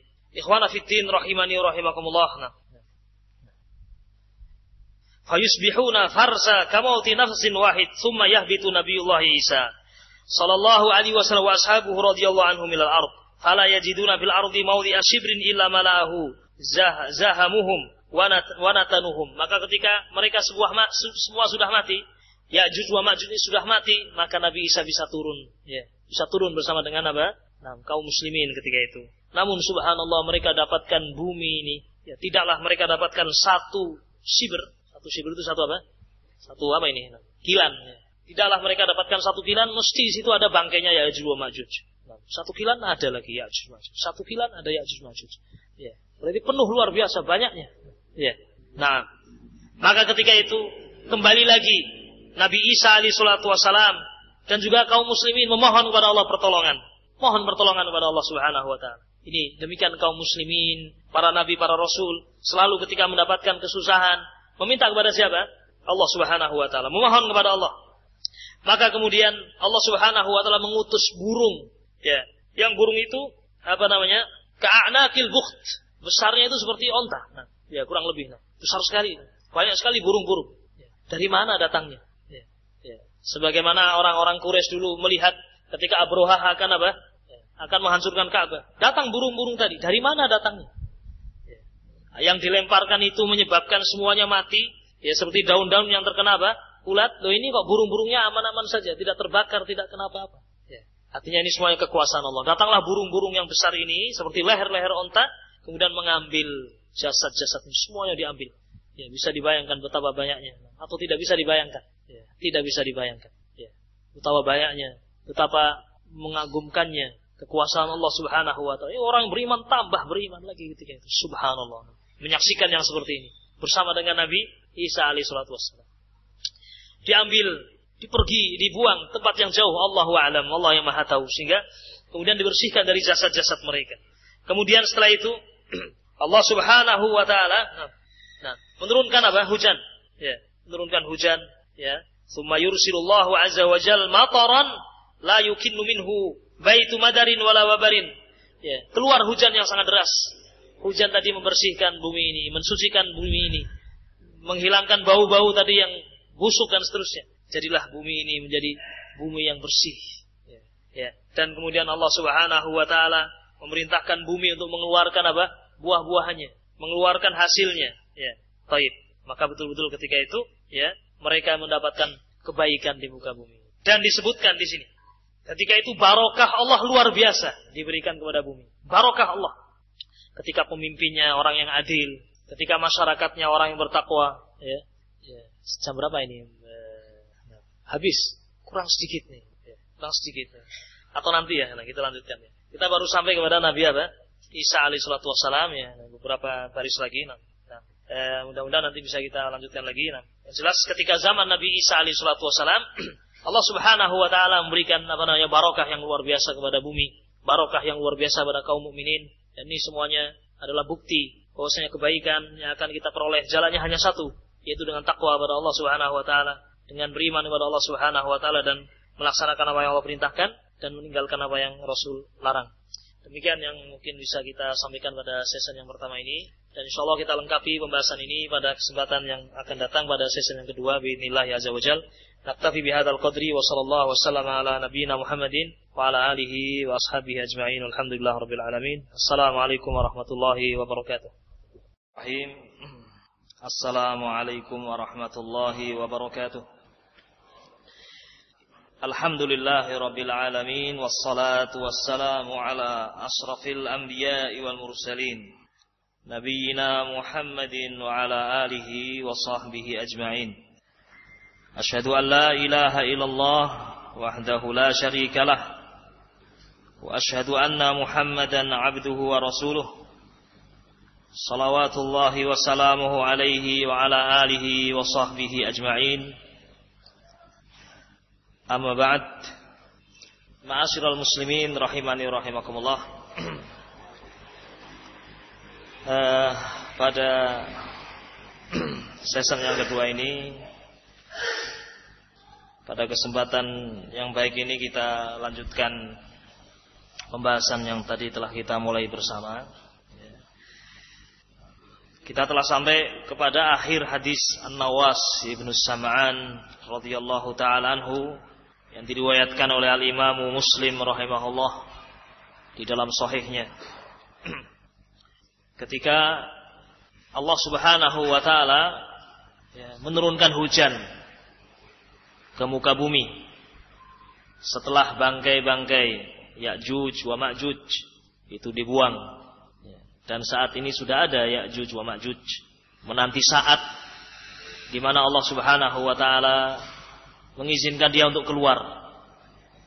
Ya, disebutkan dalam sebuah riwayat atau sebelumnya antum bisa melihat dalam surah Al-Kahfi ya, kisah bagaimana Zulkarnain membangun benteng yang menghalangi Ya'juj wa Ma'juj untuk membuat kerusakan di muka bumi.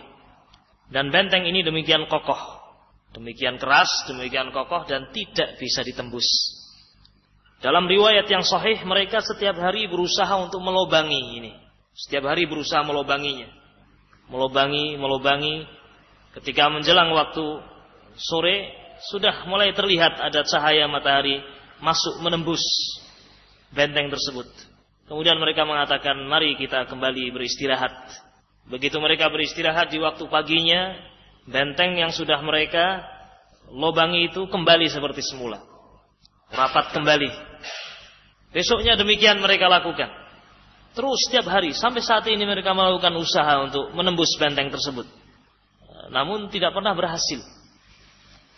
Sampai di saat yang Allah kehendaki mereka menggalinya, berusaha melubanginya sehingga mulai ada cahaya matahari masuk ke dalamnya. Ya, kemudian mereka meninggalkannya. Mari kita istirahat, kita tinggalkan pekerjaan ini dan kita akan lanjutkan besok kembali. Insya Allah. Mereka mengatakan insya Allah. Setelah sebelumnya mereka tidak pernah mengucapkan apa? Insya Allah. Ya. Maka keesokan harinya ketika mereka kembali ke tempat tersebut, ternyata lubang itu masih seperti sedia kala. Nah, artinya tidak ada apa namanya?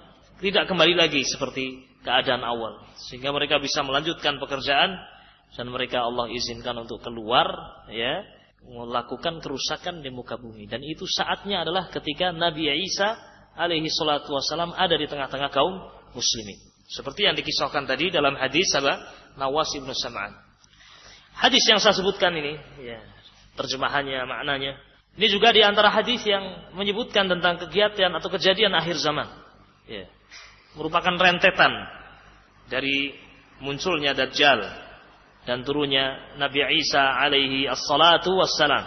Ya.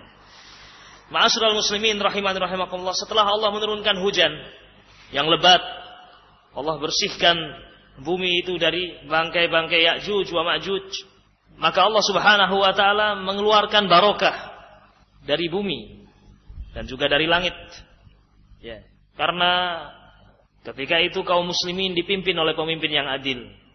Dan mereka juga berada di atas akidah yang lurus. Di atas tauhid. Dan jauh dari syirik. Mereka dalam keadaan bertakwa kepada Allah subhanahu wa ta'ala. Sehingga jadilah bumi ketika itu dalam keadaan dibarokai oleh Allah. Ya. Seperti Allah janjikan dalam Al-Quran. Walau anna ahlal qura amanu wattaqau la fatahna alaihim barakatim minas sama'i wal ard. Kalau seandainya penduduk sebuah negeri beriman kepada Allah dan bertakwa kepada Allah, niscaya kami akan bukakan barokah kebaikan-kebaikan dari langit yaitu hujan dan juga dari ard, dari bumi, mengeluarkan tanaman-tanamannya. Ya. Hasil buminya, kebaikan-kebaikan yang terkandung di dalamnya. Allah Subhanahu wa taala akan berikan barokah dengan sebab ketika penduduk itu beriman dan apa? bertakwa. Seperti yang terjadi pada zaman Nabi Isa alaihi salatu. Ketika itu barokah Allah Allah bukakan. Sampai dikatakan di sini dikatakan oleh Rasul sallallahu alaihi wa ala alihi wasallam, "Fa yauma idzin ta'kulul isabatu minar rummanah wa yastadhilluna biqihfiha."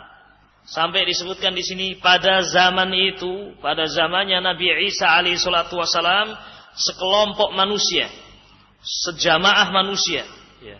beberapa orang manusia isobah ini jumlah yang cukup banyak, sepuluh orang atau banyak, ya. banyak orang yang mereka cukup makan satu buah delima, satu buah delima cukup untuk mereka ini, ya. kenyang sudah. Nah, ya. Taib. Bahkan kulitnya bisa digunakan sebagai payung untuk berteduh. Ya. Ini menunjukkan betapa besarnya apa? Ya, buah delima ini barokah. Ya. Baik. Barokah dari Allah Subhanahu wa taala. Ya, ketika tumbuhan itu banyak buahnya tapi semuanya penuh dengan ulat, tidak bisa dimakan. Ya, tentu berbeda ketika banyak, besar dan bermanfaat. Harganya dijadikan tinggi juga. Luar biasa. Ya. Dan di zaman Nabi Isa alaihi salatu wasalam demikian di antaranya rumana satu buah delima ini bisa dimakan beberapa orang ini dan juga kulitnya bisa digunakan untuk apa? Berteduh. Ya, subhanallah. Baik. wa yubarak fir risli hatta innal likhata minal ibli la takfil fi'ama minan nas wal likfata minal baqari la takfil qabilah minan nas ya Taib. Wal likhata minal ghanami la takfil fakhidha minan nas. Ya, artinya sesuatu yang tadinya di zaman kita ini ya, cukup untuk sedikit orang ketika itu cukup untuk banyak orang. Ya, sampai sebagian riwayat juga menyebutkan bahwasanya satu tangkai apa namanya uh, buah anggur ya, zaman itu ya, satu tangkai saja itu seperti muatan yang ditaruh di atas onta muatan yang ditaruh di atas apa? Onta. Satu tangkai. Nah, kalau sekarang satu tangkai berapa? Nah, ya. Satu tangkai paling satu gelas ini, ya. Itu satu tangkainya. Ya. Adapun e, di zaman itu Allah Subhanahu wa taala memberikan barokah. Dan sebabnya yaitu tadi, keadilan, ya, keimanan. Kemudian juga ketakwaan kepada Allah Subhanahu wa taala. Ini sebab barokah. Yang Allah Subhanahu wa taala akan berikan kepada sebuah negeri atau sebuah masyarakat bahkan sebuah atau seorang manusia. Ketika dia dibarokai oleh Allah Subhanahu wa taala maka Allah akan memberikan kebaikan-kebaikan yang banyak. Ya. Nah. Dan uh, faedah disebutkan oleh Imam Ibnu Qayyim rahimahullah. Al Imam Ibnu Qayyim rahimahullah beliau menyebutkan dalam kitab Al Jawabul Kafi Ad-Da'u wa Dawa ya, disebutkan bahwasanya pernah dibuka di Baitul Mal ya eh, kekhilafahan Bani Umayyah di zaman Bani Umayyah pernah dibuka Baitul Mal dan di Baitul Mal itu ada wadah yang berisi apa namanya gandum. Tapi subhanallah gandumnya itu satu bijinya itu sebesar biji korma. Satu biji gandum itu sebesar biji apa? Korma. Padahal umumnya ya satu biji gandum itu seperti biji beras saja. Nah, ini satu bijinya saja sebesar biji apa? Biji biji korma. Dan situ tertulis ya, tertulis di bungkusnya, di wadahnya ini adalah hasil panen di zaman keadilan. Ya. Hasil panen di zaman apa? Keadilan. Ya. Maka takwa kepada Allah ini menjadi, merupakan sebab barokah sebagaimana kita saksikan dalam hadis yang mulia ini. Ya. Wabillahi taufik. Dan ini terus berlangsung sampai kemudian wafatnya Nabi Isa alaihissalatu wassalam. Nabi Isa turun ke muka bumi, kemudian menikah dan punya putra, kemudian beliau meninggal. Ya. Sallallahu alaihi wasallam ya, dan dimakamkan di bumi ini. Kemudian setelah itu, ya, sebelum datang hari kiamat datang angin, yang angin itu tidaklah menerpa orang-orang yang beriman kecuali orang yang beriman meninggal. Allah cabut, sehingga tidak tersisa di muka bumi ini kecuali sirarul halqi, kecuali makhluk-makhluk yang apa? Yang paling jeleknya. Dan tidaklah hari kiamat itu ditegakkan kecuali mengenai apa? Orang-orang yang apa? Orang-orang yang jelek. Ya. Demikian ma'asyiral muslimin rahiman rahimakumullah eh, kurang lebih makna hadis Nawas bin Sam'an radhiyallahu taala yang kita jadikan sebagai acuan untuk kita baca pada kesempatan apa siang hari ini. Dan eh, ma'asyiral muslimin rahiman rahimakumullah banyak sekali masalah sesungguhnya yang terkait dengan dajjal ini. Di antaranya jika ada yang bertanya apakah dajjal itu sudah ada ya saat ini maka jawabannya ada. Ya, sudah ada dajjal itu. Ya. Nah, sebagaimana eh, disebutkan dalam riwayat yang sahih. Sahabat Tamim Ad-Dari rahimahullah radhiyallahu taala anhu ini adalah sahabat yang pernah berjumpa dengan siapa? Dajjal. Sahabat Tamim Ad-Dari radhiyallahu taala anhu adalah sahabat yang pernah berjumpa dengan apa? Dajjal. Dan ini juga salah satu di antara hadis yang menunjukkan adanya Dajjal. Ya, adanya Dajjal. Hadis tentang e, berjumpanya Tamim Ad-Dari ya, dengan Dajjal ini juga diriwayatkan oleh Imam Muslim. Ya, ini dihafalkan baik-baik. Hadis Nawas bin Sam'an dalam riwayat Imam Muslim. Demikian juga hadis ini, hadis tentang kisahnya Tamim Ad-Dari radhiyallahu taala juga diriwayatkan di dalam Imam apa Sahih Imam Muslim. Nah, dan ini pernah ditulis dalam majalah Qudwah. Nah, hadis yang pertama antum bisa lihat nah, hadis tersebut dan juga fawaid yang terkandung di dalamnya. Namun saya akan bacakan sebagian dari apa yang disebutkan tentang riwayat ini. Ya. Disebutkan di dalam riwayat Imam Muslim, ya, pernah suatu saat para sahabat dikumpulkan, dikumpulkan oleh Rasul Shallallahu Alaihi Wasallam. Kemudian Rasul Shallallahu Alaihi Wasallam mengatakan kepada mereka, atadruna lima jama'tukum. Wahai sahabatku, tahukah kalian untuk apa kalian aku kumpulkan di sini? Ya. Qalu mereka mengatakan Allah wa rasuluhu a'lam. Allah dan rasulnya yang mengetahui. Kenapa kita dikumpulkan di sini? Qala kemudian Rasul mengatakan inni wallahi ma jama'tukum li raghbatin wala rah wala li rahbatin Demi Allah tidaklah aku kumpulkan kalian ini untuk perkara yang menakutkan atau perkara yang menyenangkan. Allah alam sebagian tafsir mengatakan bukan untuk membagikan ghanimah, bukan pula untuk mengumumkan perang. Allah alam. Yang jelas ada maksud lain aku mengumpulkan kalian diri di sini. Walakinni walakinnani akan tetapi aku kata Rasul jama'tukum mengumpulkan kalian li'anna tamiman ad-dari karena Tamim ad-dari telah menceritakan sesuatu kepadaku. Tamim Ad-Dari ini adalah sahabat karena rajulan Nasraniyan kata Rasul. Dia adalah seorang laki-laki Nasrani dulu sebelum masuk Islam. Ya. Faja'a maka datang dia ke kota Madinah. Fabaya'a kemudian dia berbaiat wa aslam dan masuk Islam. Wa haddatsani haditsan dan aku dan dia menceritakan kepadaku sebuah kisah ya wafaqal ladzi kuntu uhadditsukum 'anil masihid dajjal dia menceritakan sesuatu kepadaku yang cerita ini sesuai dengan apa yang pernah aku ceritakan kepada kalian. Jadi apa yang dikisahkan oleh Tamim Ad-Dari, ya, ada poin-poin yang sama yang pernah disampaikan oleh Rasul kepada para sahabat Nabi. Nah, radhiyallahu taala anhum. Apa itu? Nah, Rasul menceritakan bahwasanya Tamim Ad-Dari bercerita kepadaku, haddatsani Tamim Ad-Dari menceritakan kepadaku bahwasanya dia raqiba fi safinatin bahriyatin ma'a 30 rajulan min lahmin wa judam. Ya, beliau ini Tamim Ad-Dari bercerita kepadaku pernah menaiki sebuah perahu. Ya, bersama dengan 30 orang yang lain dari suku Lahm dan apa? Judam. Ini dua nama kabilah, Al-Lakhmi dan Judami. Ya. Taib. Nah, fala'iba bihimul mauj syahron. Mereka ini dipermainkan oleh ombak selama satu bulan kurang lebih. Satu bulan dipermainkan ombak yang besar. Ya. Fil bahr. Ya. Thumma arfa'u ila jaziratin fil bahri haitsu maghrib syams. Kemudian mereka terdampar atau mendekati ya, sebuah jazirah yang jazirah ini mendekati tempat tenggelamnya matahari. Ya.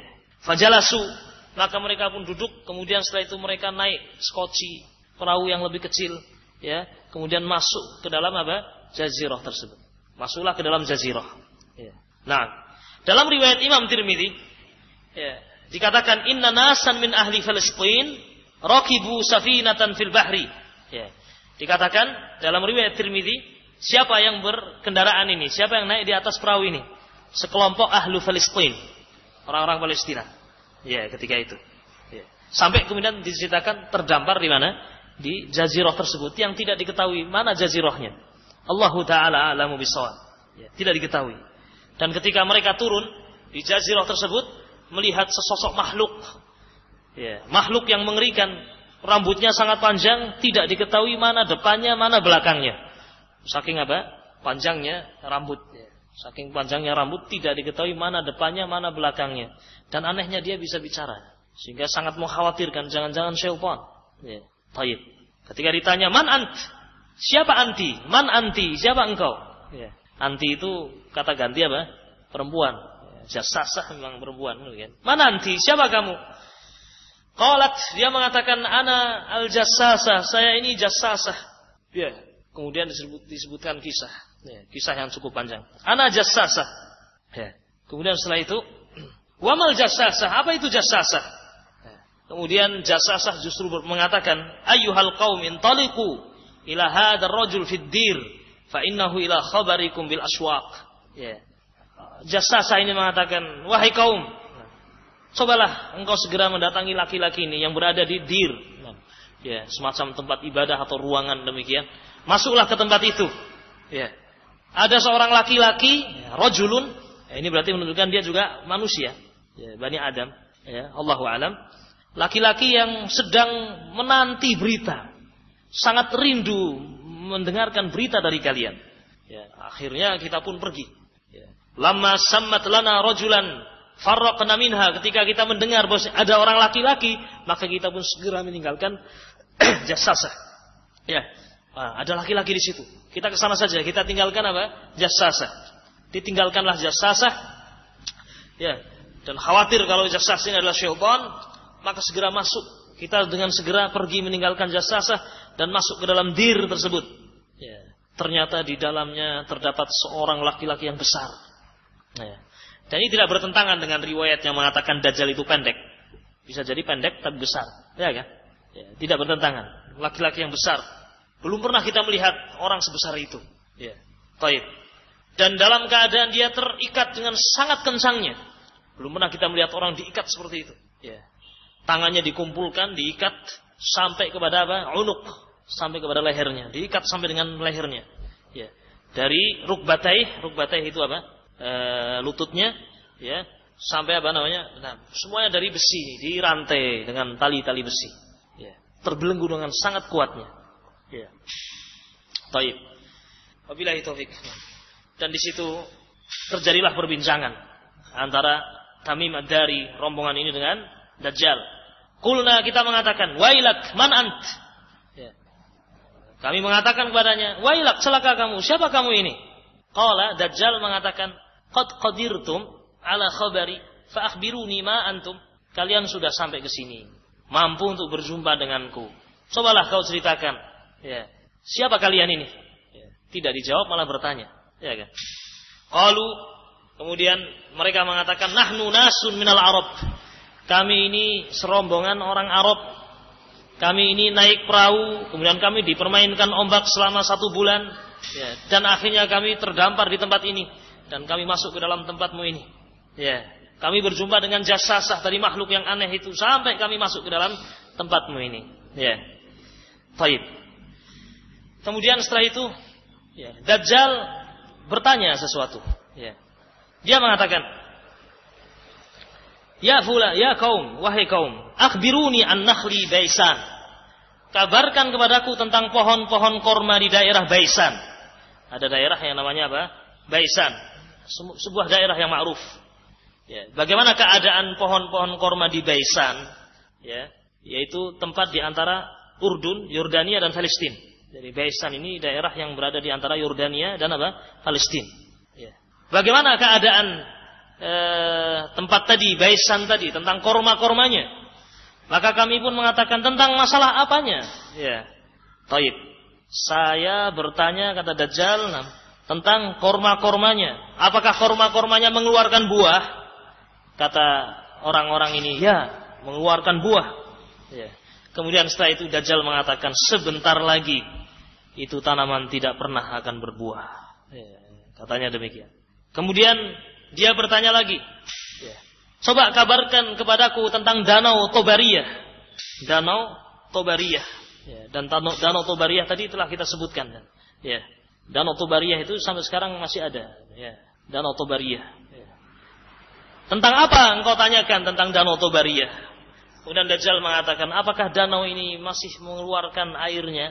Ya, masih ada airnya. Kemudian para sahabat mengatakan, ya, airnya sangat banyak. Danau tersebut sangat banyak airnya. Kemudian Dajjal mengatakan, ama annama aha yushak an yadhab. Ya, sungguh hampir-hampir air itu akan hilang. Ya, akan hilang. Tidak ada airnya sama sekali. Dan itu nanti terjadi ketika keluarnya siapa? Ya'juj wa Ma'juj. Ya. Betul semua apa yang dikabarkan ini. Ya. Bukan berarti dia tahu perkara yang gaib, tidak sama sekali. Ya, tidak. Perkara yang gaib hanya siapa saja siapa yang tahu? Allah Subhanahu wa taala. Allah kehendaki dia e, mendapatkan pengetahuan itu. Nah, wallahu alam. Kita pun juga tahu dapat pengetahuan, ya tidak? Ya, kita tahu itu danau Tobaria akan habis airnya. Ya, kan demikian. Karena berdasarkan sabda Rasul sallallahu alaihi wasallam. Ya. Ya, jadi perkara gaib itu diketahui di antaranya dengan dalil ini. Ya. Dan seterusnya. Ya, kisah yang cukup panjang di sini. Sampai kemudian bertanya tentang satu permasalahan. Akhbiruni an nabiyil ummiyin ma fa'al.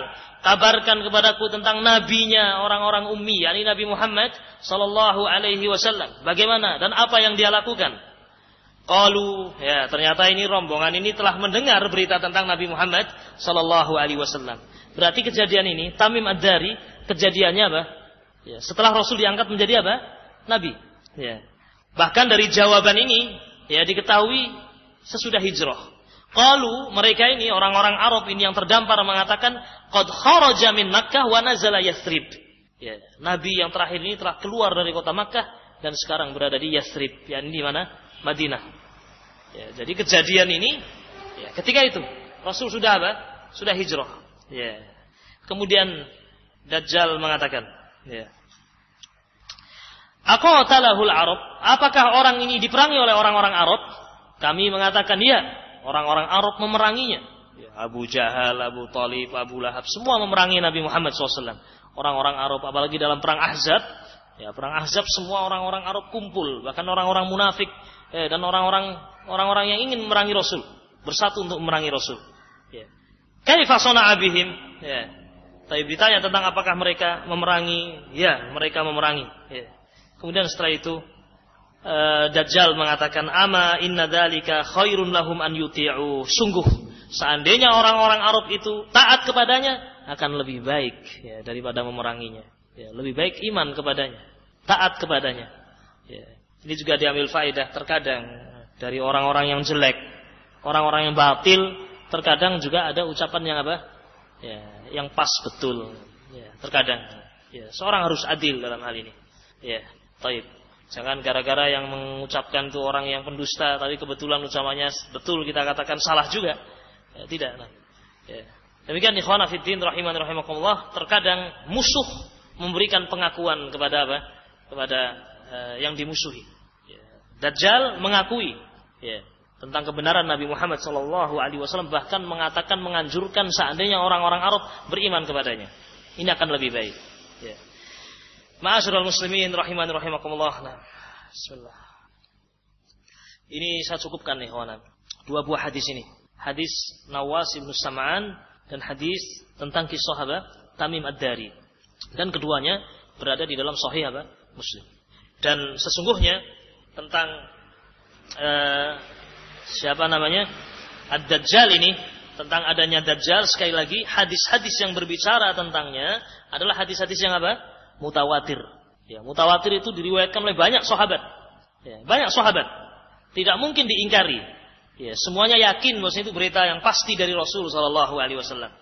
Di antara yang menyatakan bahwasanya hadis tentang Dajjal adalah hadis yang mutawatir, di antaranya adalah Al Imam Al Hafidh Ibnu Katsir rahimahullah dan juga Al Imam Ibnu Hajar rahimahullah taala, Al Imam Asy-Syaukani rahimahullah dan juga yang lain. Di antara para ulama ini menyatakan bahwa hadis-hadis tentang apa? Tentang e, Dajjal adalah hadis-hadis yang mutawatir. Sehingga menjadi keyakinan ahlu sunnah wal jamaah. Ahlu sunnah wal jamaah qatibatan seluruhnya. Ya. Tanpa kecuali meyakini tentang adanya Dajjal. Dan mereka ahlu sunnah wal jamaah menyatakan bahwasanya orang-orang yang mengingkari tentang keluarnya Dajjal tidak lain adalah ahlul ahwa. Orang-orang yang mengikuti apa? Hawa nafsu. Al-mubtadi' Orang-orang yang apa? Yang mubtadi melakukan kebidahan atau orang yang jahil. Ya, tidak lepas dari dua hal ini. Imma ahlul ahwa bisa jadi pengikut hawa nafsu, pengekor hawa nafsu atau al jahil, orang-orang yang apa? Yang jahil, yang tidak ngerti, tidak tahu. Yang dengar dajjal saja baru saja. Ya, mungkin ada orang-orang yang baru mendengar apa? Dajjal. Ya. Dan bagaimana seorang akan mohon pertolongan kepada Allah dari gangguan Dajjal sementara dia tidak tahu apa itu apa Dajjal. Ya. Maka penting untuk ini diterangkan dan di apa namanya disebarluaskan di tengah masyarakat. Ya. Ma'asyiral muslimin rahimani rahimakumullah. Kita lanjutkan beberapa pembahasan. Tadi pembahasan yaitu berupa pertanyaan apakah dajjal itu sudah ada? Jawabannya apa? Sudah ada. Ya. Sekarang sudah ada posisi dia dalam keadaan dia apa? diikat. Ya, dibelenggu. Ya. Wallahu a'lamu bissawab. Kemudian ma'asyiral muslimin rahiman rahimakumullah. Setelah kita mengetahui bahwasanya hadis-hadis tentang dajjal ini adalah mutawatir dan telah kita sebutkan dari dua orang sahabat tadi dan keduanya berada di dalam sahih Muslim yang disepakati oleh kaum muslimin tentang kesohihannya, maka sekarang kita masuk pada pembahasan berikutnya yaitu beberapa jenis atau beberapa ucapan-ucapan orang yang mengingkari tentang adanya apa? Dajjal. Ya. Ternyata ya, masih saja ada orang-orang yang mengingkari adanya Dajjal. Bukan dari kalangan orang-orang kafir. Namun dari kalangan orang-orang yang muslim. Ya. Orang yang beriman meragukan adanya Dajjal. Ima jahil, jahlan. Bisa jadi karena jahil bisa jadi. atau karena mengedepankan akal, ya. Nah, wabillahi taufik. Nah, seperti orang-orang Jahmiyah, ya. orang Jahmiyah ini sudah keluar dari e, garis Islam, ya. Atau orang-orang Khawarij juga ada yang berpikiran sama seperti ini wal Mu'tazilah dan orang-orang apa? Mu'tazilah, ya. Namun kita simpulkan saja, ya. Syekh Al-Albani rahimahullah, ya. Syekh Al-Albani rahimahullah menyimpulkan ya, bahwasanya syubhat, kerancuan atau upaya yang dilakukan oleh orang-orang yang mengingkari adanya dajjal itu kembali pada dua poin, dua perkara. Ya. Ya. Yang pertama, mereka berusaha membuat ragu ya. atau mereka sendiri meragukan, mereka meragukan atau berupaya membuat manusia ragu tentang keabsahan, kesohihan hadis-hadis tentang apa? Tentang dajjal. Ya, dibuat manusia ragu. Oh, ini hadis-hadis tentang dajjal ini hadis-hadis yang lemah, hadis-hadis yang meragukan atau hadis-hadis yang ahad kata mereka. Berusaha agar manusia apa ragu-ragu. Setelah mereka dulu juga apa? Ragu-ragu. Ya. Atau dikatakan oh ini kisah Israiliyat ya. ya. dan seterusnya. Nah, dan saya ingat betul ikhwan dulu ya, beberapa puluh tahun yang lalu. Nah, ya, saya sendiri pernah dibilangin oleh seseorang nah, tentang Isra Mi'raj itu, itu berita Israiliyat dan itu oleh seorang ustadz bahkan atau orang yang belajar. Ya, ketika itu kita belum belum belum belum tahu, belum pernah kita membaca hadis Bukhari, Muslim dan seterusnya. Taib. Ya, di masa umur belasan tahun ketika itu. Ada orang yang mengatakan kamu jangan percaya tentang apa? E, Isra Mi'raj. Karena berita Isra Mi'raj itu beritanya Bani Israel, Israiliyat. Namanya Israiliyat boleh dibenarkan ya atau jangan dibenarkan namun jangan pula dia apa? Didustakan. Ya, subhanallah. Nah. ternyata hadis tentang Isra Mi'raj ini adalah hadis-hadis apa? Hadis-hadis mutawatir dalam Bukhari dalam Muslim banyak sahabat yang meriwayatkan tentang apa? Isra Mi'raj. Ya. Subhanallah bukan berita Israiliyat ini kan membuat orang jadi ragu-ragu. Ya. Demikian juga dengan Dajjal ini. Bisa jadi ada orang mengatakan ini beritanya aneh. Beritanya berita Israiliyat, padahal sekali lagi, ya, ini terbantah. Karena ternyata kenyataannya hadis-hadis tentang Dajjal adalah apa? Hadis yang apa? Yang sahih, bukan sekedar sahih, namun mencapai derajat apa? Mutawatir. Banyak sekali sahabat yang meriwayatkan. Ya, ya. Banyak sekali sahabat yang meriwayatkan. Dan namanya mutawatir itu tidak bisa disanggah. Ini mutawatir. Ya. Dan di antaranya tadi hadis Nawas bin Sam'an, juga kisah Tamim Ad-Dari. Yang keduanya diriwayatkan dalam riwayat Muslim rahimahumallah. Ya. Ini upaya yang dilakukan oleh orang-orang yang tidak percaya kepada Dajjal. Upaya gerakan membuat manusia ragu-ragu tentang adanya Dajjal. Setelah sebelumnya mereka juga ragu-ragu. Atau mungkin mereka dari karangan orientalis. Ya, dan seterusnya. Kemudian yang kedua, kalau cara yang pertama tidak berhasil, Artinya secara ilmu hadis tidak bisa dibantah. Memang ini hadis-hadis sahih. Ya. Selalu demikian. Orang-orang yang mengikuti hawa nafsu, ketika yang dihadapi Al-Quran, misalnya ada Al-Quran, Al-Quran tidak mungkin dikatakan, oh ini doif. Tidak mungkin, tidak berani. Ya. Demikian juga ketika hadis itu mutawatir, tidak bisa bicara dia. Maka dia berpindah kepada cara berikutnya. Yaitu berusaha menakwilkan maknanya. Ya. Berusaha untuk menakwilkan maknanya. Betul hadis-hadis Dajjal itu banyak. Betul hadis-hadis Dajjal itu tidak bisa kita ingkari karena hadis-hadisnya mutawatir. Tapi yang dimaksud dengan Dajjal itu bukan sosok manusia. Ya. Nah, disimpangkan maknanya. Ini saya sedang cerita subhat loh ya. Nanti jangan diambil kesimpulan, oh ini yang benar. Ya, ya paham ya? Baik. Jadi sebagian mereka ya, ketika tidak bisa lagi menyanggah tentang kesohihan berita-berita itu, mereka kemudian lari kepada jalan berikutnya yaitu mereka berusaha mentakwilkan maknanya. Ya. Betul hadis-hadis tentang Dajjal itu sahih, mutawatir. Namun maknanya, maksudnya, ya Dajjal itu bukan sosok manusia. Ya, Dajjal itu adalah sebuah pemikiran. Atau Dajjal itu adalah zaman yang rusak. Dajjal itu adalah Eropa. Ya, itu Dajjal, Eropa. Ya. Nah, Eropa sudah berapa tahun ikhwan hidup nah. Ya. Sementara Dajjal itu hidupnya berapa hari? 40 hari. Ya kan? Ini kan berarti sudah bantahan ya. Ya, Eropa sudah lebih dari 40 hari ini hidupnya. Nah, ya, baik. Bisa dipahami, kawan? Ini dua. Ya, disimpulkan oleh Syekh Al-Albani rahimahullah. Sekian banyak ya orang-orang yang mengingkari, yang mendustakan kembalinya kepada dua hal ini. Bisa jadi dia berusaha untuk membuat ragu tentang keabsahan, kesohihan riwayat-riwayat, atau yang kedua karena mereka tidak bisa lagi ya menjatuhkan umat ini kepada e, cara yang pertama mereka berusaha mentakwilkan maknanya. Dan keduanya terbantah, ikhwan. Adapun yang pertama sudah kita bantah tadi. Betapa banyak hadis-hadis yang sahih yang menyebutkan tentang apa? Tentang adanya dajjal. Dan ini adalah riwayat yang mutawatir. Adapun cara bantahan yang kedua, baik, siapa yang bisa membantah? Nah, nah ini ada buku ini. Nah, hadiah dari panitia bukan dari saya. Baik, siapa yang bisa membantah? Yang kedua, ya. satu saja benar. Ini ada hadiah dari panitia. Hmm, apa? Umumnya dajjal. Uh, yang lain ini sudah tadi saya. Boleh yang lain. Ya, saya ralat lagi. Fadal. Hah? Dibunuh oleh Nabi Isa. Masya Allah. Barakallahu fiik. Ini hadiah untuk antum ya. Masa Eropa dibunuh sama ya kan? Bagaimana cara jazakumullah ya. Dikejar nah. Dikejar oleh Nabi Isa. Coba antum lihat semua berita-berita ini adalah bentuk manusia. Mau dibuat model apa coba ya kan? Dikatakan oleh Rasul innahu rajulun atau syabun qatat dia adalah seorang laki-laki yang rambutnya apa tadi? Nah, keriting, ya, keripu. Nah, nah, Eropa keriting, keripu, ya. Nah, tidak bisa dilihat kawan. Ya, taib. Apa kejelekan itu? Ya, taib. Rojulun, syabun, kotot. Ya. Kemudian juga apa? Sifat-sifat yang lain tentang bagaimana matanya, ya, bagaimana hidupnya. Kemudian juga dibunuhnya oleh Nabi Isa alaihissalatu wassalam. Ya. Ini semuanya menunjukkan berita-berita ini makhluk.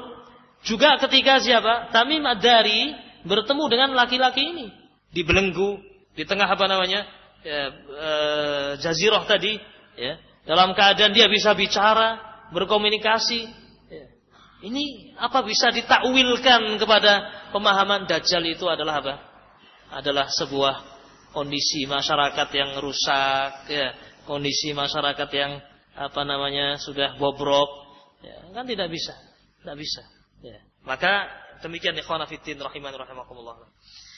Uh, masuk lagi kepada pembahasan yang lain ikhwan. Ini masih subhat. Ya. Di antara subhat yang atau bisa jadi subhat atau mungkin pertanyaan yang bisa kita mungkin berpikir ya, mungkin saja orang menanyakan seperti itu nah, kenapa kalau memang dajjal itu ada di dalam Al-Qur'an tidak ada kalimat dajjal Baik. Di dalam Al-Quran tidak ada dajjal. Ya. Mungkin ini perlu dibahas juga. Ya. Baik. Kenapa tidak disebutkan dajjal di dalam Al-Quran? Ya. Nah, sebelum kita bantah dulu, kita katakan, apakah sesuatu yang tidak disebutkan Al-Quran berarti kita ingkari? Ya. Sementara itu disebutkan di dalam apa? Hadis yang sahih. Harus diperbaiki dulu timbangan ini. Nah, baik kaum muslimin seluruhnya. Jika di dalam Al-Quran tidak ada. Tapi di hadis itu ada sohih. Apalagi mutawatir. Apakah kemudian kita ingkari itu? Ya. Betapa banyak syariat Islam akan hilang kalau pakai kaidah ini. Ya. Di dalam Al-Quran kita hanya diperintahkan untuk sholat. Wa aqimus sholat wa atuz zakah. Ya. Di dalam Al-Quran kita hanya diperintahkan untuk melakukan ibadah haji. Namun rincian tentang sholat, rincian tentang zakat, rincian tentang haji apa ada dalam Al-Quran? Tidak ada. Ya, tidak ada. Ya.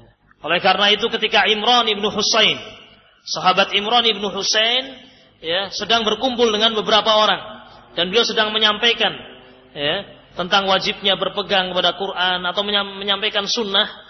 Salah seorang di antara kaum ada yang mengatakan, Ya Imran, tinggalkanlah hadis-hadis ini. Cukupkan, cukuplah engkau sebutkan ayat-ayat Al-Quran. Ya, kata Imran bin Husain dengan arifnya, ke sini, mendekatlah kamu. Ya. Baik. Kalau memang kita hanya berpegang dengan Al-Qur'an saja, ya. Kalau kamu mendapatkan tugas, carilah di dalam Al-Qur'an, apakah di dalam Al-Qur'an didapatkan salat subuh itu dua rakaat? Apakah didapatkan dalam Al-Qur'an salat duhur itu empat rakaat?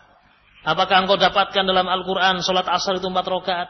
Apakah engkau dapatkan rakaat yang pertama membaca surat Al-Fatihah? Kemudian setelah itu dilanjutkan dengan apa?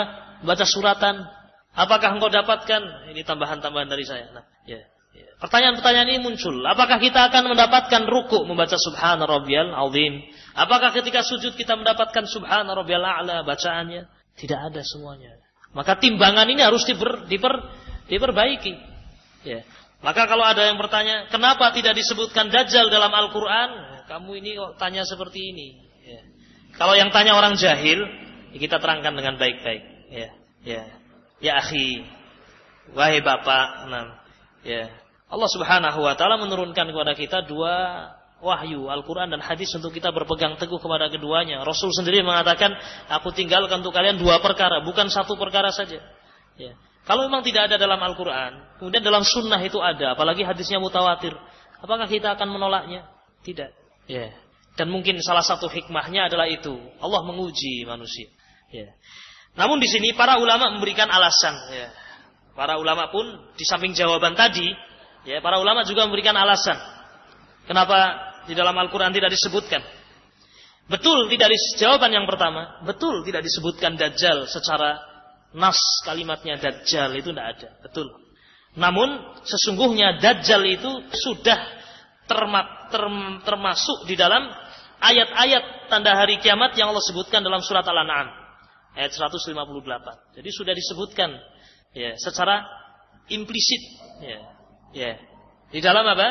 Di dalam ayat ini. Allah Subhanahu wa taala mengatakan hal yang duruna illa anta tiyahumul malaikatu au ya'tiya rabbuka au ya'tiya ba'du ayati rabbik. Nah. Nah, yang mereka tunggu-tunggu, yang mereka nanti tidak lain adalah kedatangan malaikat-malaikat Allah dan kedatangan Rabbmu, ya, dan kedatangan beberapa ayat-ayat tanda-tanda dari Rabbmu, ya.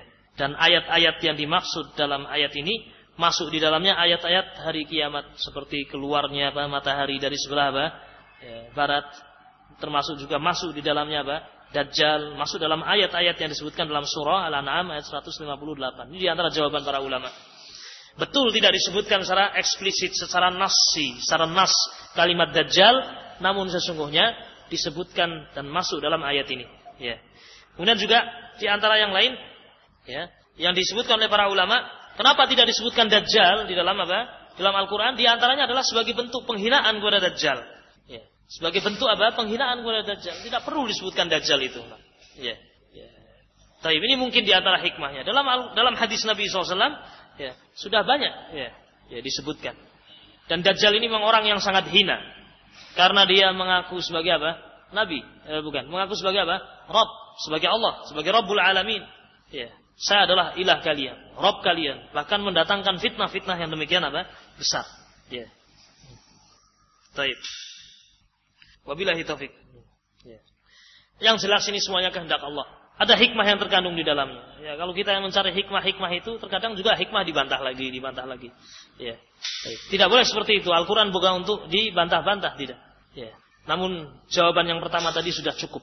Apakah Ketika di dalam Al-Quran itu tidak disebutkan kemudian seorang tidak mengimaninya. Nah, ini luar biasa ini. Ini orang-orang Quraniyun. Ya, orang-orang yang tidak mau berpegang kepada apa? Hadis Nabi alaihi wassalatu wassalam. Ya. Ikhwan fiddin rahimani rahimakumullah. Nah, eh, tadi yang telah kita baca, nah, kita masuk pada pembahasan berikutnya. Nah, kita sudah membahas hadis Nawas bin Sam'an. Ya. Nawas bin Sam'an telah kita baca bersama. Di situ ada beberapa fitnah dajjal. Namun tidak semuanya disebutkan dalam hadis tadi. Dan masih banyak hadis-hadis yang lain yang menyebutkan tentang beberapa jenis fitnahnya Dajjal. Yang fitnah ini merupakan fitnah yang sangat mengerikan. Ya, sangat mengerikan. Ya, kita simpulkan saja beberapa fitnah Dajjal. Ya. Dajjal itu ya, memiliki sorga dan neraka. Ya. Tampaknya sorga, tampaknya apa? Neraka. Ya. Taib. Sebagaimana disebutkan dalam riwayat Muslim di dalam sohihnya, dari sahabat Hudzaifah bin Yaman radhiyallahu taala anhu Rasul mengatakan, "Ad-dajjalu a'warul 'ain, al-yusra, khufalus sya'ri, ma'ahu jannatun wa narun, fanaruhu jannatun wa jannatuhu narun." Ya. Dajjal adalah seorang yang a'war, buta sebelah kirinya. Rambutnya sangat keriting dan dia punya surga dan neraka. Namun surganya adalah neraka, nerakanya adalah apa? Surga. Ya. Taib. Sampai dalam sebagian riwayat, nah saya tidak sempat membukanya. Nah, nah taib, eh, apa namanya? Jika dia melihat ada api, ini sahih insyaallah, nah melihat ada api, maka pejamkan matamu. Ya. Taib. Oh, ini ada lagi yang kedua, ikhwan. Taib yang kedua ini. Nah. Taib yang kedua di antara fitnahnya, dia memiliki sungai-sungai yang penuh dengan air. Ya. Dia memiliki sungai-sungai yang penuh dengan air. Ya. Taib. Sungai-sungai yang penuh dengan air. Sementara yang lain, api yang membara. Api yang berkobar. Ya. Namun ketika engkau melihat api itu berkobar, sesungguhnya itu adalah air yang segar. Sesungguhnya air yang apa? Yang segar. Maka mendekatlah kepada api tadi ya, dan rasakan apa namanya segarnya air. Ini orang-orang yang beriman ketika mendengarkan khobar dari Rasulullah SAW, dia meyakini hal tersebut. Nah, dia memiliki air, ya. namun sesungguhnya itu bukan kenikmatan. Dan memiliki api, namun sesungguhnya itu adalah apa? Air. Ya. Kemudian fitnah yang ke ketiga adalah apa yang telah disebutkan tadi dalam hadis Nawas bin Sam'an. Ya. Dalam hadis Nawas bin Sam'an, ya disebutkan ya, dia memiliki apa namanya kekayaan-kekayaan bumi. Ya. Ketika dia mendatangi sebuah tempat yang sudah rusak, sudah gersang, ya. dia katakan kepada bumi untuk mengeluarkan isinya, maka akan mengeluarkan isinya, emasnya, peraknya, kekayaan-kekayaan yang ada padanya. Ya. Ini juga fitnah. Ya. Yang ketiga. Kemudian juga ma'asyiral muslimin rahiman rahimakumullah di antara fitnah yang lain adalah memerintahkan langit. Yang keempat, untuk mengeluarkan hujannya dan keluar hujan. Perintahkan langit untuk hujan, hujan. Ya. Fitnah berikutnya dia memerintahkan bumi untuk mengeluarkan apa? Nah, tumbuh-tumbuhan, mengeluarkan tumbuh-tumbuhan. Ya. Juga fitnah yang sangat yang sangat besar. Ya. Baik. Kemudian fitnah berikutnya, ya. fitnah yang keenam, menghidupkan dan mematikan. Ya. Menghidupkan dan mematikan. Ya. ya. Menghidupkan orang dan mematikan. Itu kisah tadi pemuda ini di antaranya. Dimatikan mati. Diperintahkan hidup hidup Terakhirnya ketika dia akan bunuh lagi tidak bisa. Ya. Itu tidak seterusnya. Ya. Baik. Ini fitnah di antaranya. Ya. Kemudian yang terakhir, ya, dia melakukan penipuan-penipuan. Ya. Ya. Dan penipuan-penipuannya demikian banyak ya. Demikian banyak ya. E, sehingga dikatakan sebagai dajjal karena dajjal itu adalah orang yang banyak berdusta ya. Kemudian ma'asyiral muslimin rahiman rahimakumullah mungkin yang terakhir dari pembahasan kita nah, ya, pada kesempatan e, sore hari ini ya, adalah pembahasan e, apa yang kita lakukan sebagai benteng agar kita selamat dari apa? Dajjal. Nah, nah. Baik. Ma'asyiral muslimin rahimani rahimakumullah. Nah.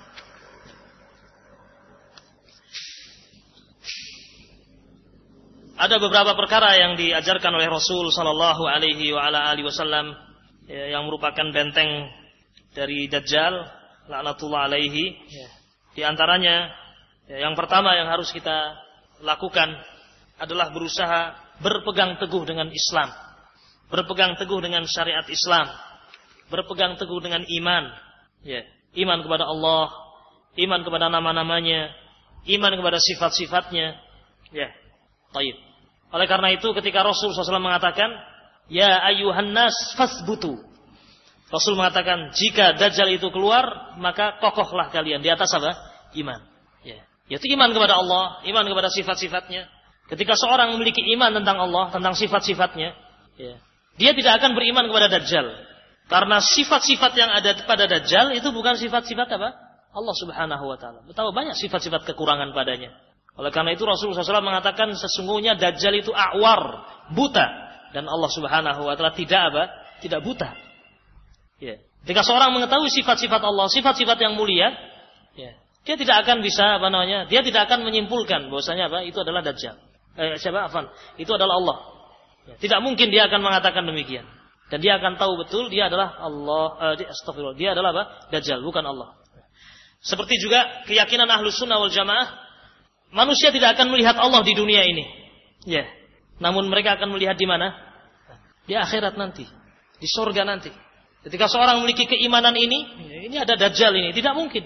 Ya. Bukan dia, bukan Allah. Subhanahu wa ta'ala. Maka menghadapi fitnah ini dengan apa? Dengan iman kepada Allah subhanahu wa ta'ala.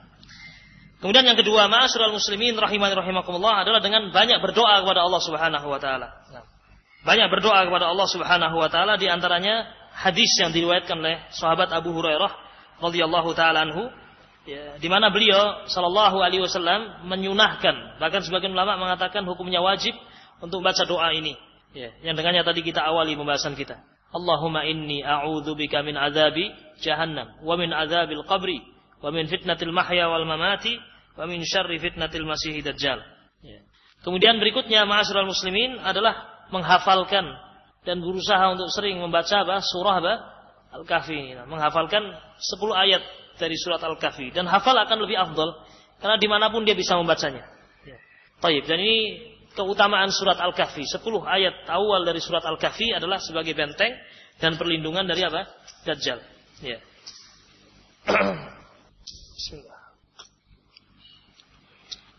Di awal surat Al-Kahfi itu disebutkan tentang kisah ya pemuda-pemuda yang beriman. Ya yang berusaha lari dari fitnah. Ya. Dan kembali kepada Allah Subhanahu wa taala minta pertolongan kepada Allah dan Allah berikan pertolongan kepadanya. Ya. itu awal dari surah Al-Kahfi. Awal tentang kisah mereka. Ya. nah tidak ada yang bisa memberikan pertolongan dari fitnah. Ya. pertolongan dari kesusahan kesempitan kecuali Allah Subhanahu wa taala. Kemudian di antara yang harus kita lakukan yang keempat seandainya kita telah mendengar adanya dajjal maka hendaknya kita lari darinya Jangan mendekat. Ya, jangan mendekat. Ya. Nah, bisa jadi seorang mendekatinya, mendekati fitnah, kemudian dia terfitnah ketika melihat sesuatu yang sangat aneh tadi. Sesuatu yang menakjubkan. Terfitnah dengan sesuatu yang dia anggap menakjubkan. Ya. Kemudian yang kelima, wallahu a'lam bishawab. Ya, ini sebenarnya masuk dalam poin yang keempat tadi, menjauhi dari dajjal di antaranya yaitu kita tinggal di kota Makkah atau di kota apa? Madinah. Ya, tentunya dengan terus beriman kepada Allah. Ini yang paling pentingnya. Kalau tinggal di kota Madinah saja misalnya, tapi dia munafik, dia kafir, naudzubillah, Dajjal memang tidak masuk ke dalam kota Madinah. Dia hanya berada di pinggir kota Madinah. Kemudian orang-orang yang kafir ini, orang-orang munafik tahu Dajjal itu berada di luar, mereka keluar meninggalkan apa? Madinah. Ya. Dajjal tidak masuk tapi mereka keluar. Mengikuti siapa? Mengikuti Dajjal. Ya. Baik. Ini kurang lebih ma'asyiral muslimin rahimani rahimakumullah tentang hal-hal yang terkait dengan Dajjal dan ketika seorang ingin melihat tentang riwayat-riwayat Dajjal yang mutawatir tentunya dia kembali kepada kitab-kitab hadis dan Syekh Muhammad Nasruddin Al-Albani rahimahullah memiliki sebuah kitab khusus yang mengumpulkan tentang kisah Al-Masih Ad-Dajjal ya mengumpulkan riwayat-riwayat ya tentang apa kisah Al-Masih Ad-Dajjal dan dalam kitab tersebut insya Allah kita bisa mendapatkan sekian banyak riwayat yang telah dikumpulkan oleh Syekh Muhammad Nasruddin Al-Albani rahimahullah taala. Nah, mungkin itu yang bisa kita sampaikan dan uh, ini ada satu lagi nih buku ikhwan. Ya. Taib sebagai murojaah nah, sebagai penutup nah. Nah, kalau ada pertanyaan mungkin dikumpulkan dalam bentuk tulisan ya. Uh, Syekh Al-Albani rahimahullah tadi menyimpulkan ya, menyimpulkan bahwasanya orang-orang yang berusaha mengingkari adanya dajjal ya itu ada dua toriko, ada dua jalan, dua cara yang mereka lakukan. Taib. Apa itu dua cara tadi? Nah. nah. Taib. Antum ya. Tadi saya sudah bilang panitia, kalau tidak ada yang jawab, saya yang jawab, saya bawa pulang. nah. Mereka apa? Meragukan dan membuat orang ragu. Ya, teskik. Nah. Mentakwil. Ya, dengan takwil yang apa? yang batil. Ya, fadal barakallahu fik.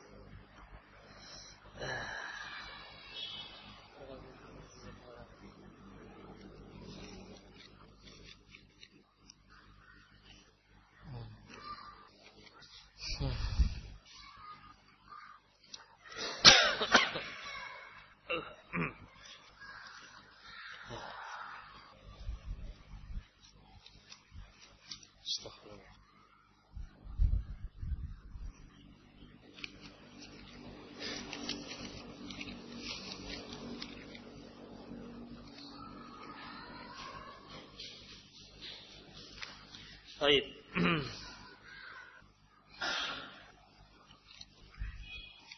Baik, ini ada pertanyaan ya, kawan. Pada saat turunnya Nabi Isa, eh, Nabi Nabi Isa di Menara Putih dan peperangan Nabi Isa melawan Dajjal, apakah bisa disaksikan oleh seluruh manusia di belahan bumi lain lewat tayangan televisi internasional? ya, Allahu a'lam bisawab. Ya. Ini masalah gaib ya. Yang ada adalah dikabarkan Nabi Isa itu apa? Turun. Nah, adapun apakah manusia bisa menyaksikan lewat tayangan televisi internasional Allahu a'lam. Apakah televisi masih ada ketika itu atau tidak Allahu a'lam? Saya tidak tahu dan kita tidak tahu ya, Ya. Ya. Ini pertanyaan ini wajar saja ya kawan. Ya, wajar saja. Nah, ya, karena ya sekarang ada televisi kan demikian. Kejadian di belahan bumi sana ada. Ya. Ini wajar saja ditanyakan. Ya. Tapi Allah alam jawabannya. Ya. ya. Apalagi kalau kita saksikan perang di akhir zaman. Ya, perang di akhir zaman itu. Ya. Perangnya subhanallah. Seperti perang apa namanya langsung adu tanding. Ya. ya. Perang nanti di akhir zaman. Orang-orang Yahudi itu sampai bersembunyi di belakang apa? belakang batu-batu, belakang pohon-pohon dan batu itu berbicara mengatakan, "Ya muslim," berbicara batu itu, terdengar suaranya. "Wahai muslim, hada Yahudi khalfi uqtulhu." Ini Yahudi di belakang saya. Ya, bunuh dia. Nah, ya. Tapi perangnya seperti itu sudah, ikhwan, bunuh. Ya. Nah, wallahu alam bisawab. Allah bisa jadi mengendaki nabi akhir zaman ini ya, sudah tidak ada lagi televisi, nah, bisa jadi ya. Allah alam apa yang yang jelas tidak tidak diketahui, tidak ada berita tentang itu. Ya. Nah, sekarang saja orang ketakutan bensin habis ya kan. Ya. Bisa jadi mobil sudah banyak sekali, Allah kehendaki mobil bensin habis terus gimana nah? Ngontel lagi kan? Ya, kan? Ya. Artinya Allah Maha Kuasa. Allah Maha Kuasa. Ya. Sebagaimana dulu tidak ada kemudian sekarang ada, Allah juga Maha Kuasa sekarang ada kemudian tidak apa? Tidak ada. Suatu hal yang mudah bagi Allah Subhanahu wa taala. Apa hikmah kita berlindung dari fitnah Dajjal sementara Dajjal kemunculannya masih terasa jauh? Ya. Jangan merasa masih terasa jauh. Ya. Ya. Dajjal itu apa namanya? Dekat. Ya. Akhir zaman itu sudah dekat. Nah. Rasul mengatakan tentang hari kiamat. Ya, bu istu'ana wa sa'atu kahatain. Ya. Nah, saya diutus oleh Allah dengan hari kiamat seperti ini. Seperti dua jari tengah dan telunjuk yang dijajarkan. Artinya sangat-sangat dekat Ya, menempel sekali. Atau perbedaan antara apa? Ujung ini. Nah, perbedaan yang sangat sedikit. Ya. Bu istu'ana wasa'ah kahatain. Seperti dua jari ini. Dekat. Innahum yarawnahu ba'ida wa narahu qariba. Mereka melihat hari itu jauh. Padahal kami melihat hari itu apa? Dekat. Ya, sangat dekat. Ya. Ini yang pertama. Jadi terasa masih jauh tidak? Sudah sangat dekat. Ya. Taib. Ini yang pertama. Kemudian yang kedua, ya. Baik. Kita berdoa kepada Allah Subhanahu wa taala, itu disyaratkan berulang-ulang kita meminta. Ya. Dan kita tidak tahu doa mana yang akan apa? Dikabulkan oleh Allah. Kita yakin Allah mengabulkan doa. Namun mungkin ada penghalang-penghalang yang menghalangi doa kita. Sehingga dengan kita banyak berdoa, mengulang-ulang doa, ya. Hikmahnya adalah kita merengek kepada Allah, minta kepada Allah. Hikmahnya demikian, semakin mendekatkan kita kepada Allah. Allah Subhanahu wa taala mencintai orang yang selalu berdoa dan membenci murka pada orang yang tidak apa? berdoa. Ya. Kemudian juga dengan banyak mengulang-ulang ini, ya, banyak mengingat tentang adanya dajjal ini. Semakin berhati-hati, semakin ingat dengan apa namanya? Dengan dajjal ini semakin berhati-hati. Semakin hati-hati. Orang kalau tidak lu tidak ingat dengan musuh, ya, dia akan tidak akan hati-hati. Ini kurang lebih di antara apa? Di antara hikmahnya. Ada hikmah lagi yang keempat yaitu memperbanyak pahala dengan kita banyak berdoa kepada Allah Subhanahu wa taala. Hmm. Hmm. Apakah semua manusia yang banyak membuat tipu daya dikategorikan sebagai dajjal? Ya. Nah, dajjal secara bahasa itu artinya orang yang banyak berdusta di antara maknanya. Ya. Sehingga bisa diitlakkan, bisa digunakan ya untuk orang yang sangat pendusta, suka berdusta. Bisa dikatakan apa? Dajjal secara bahasa. Bahkan Rasul kita Muhammad sallallahu alaihi wasallam juga telah mengatakan ya, akan datang di tengah umatku salasuna dajjaluna kadzabun.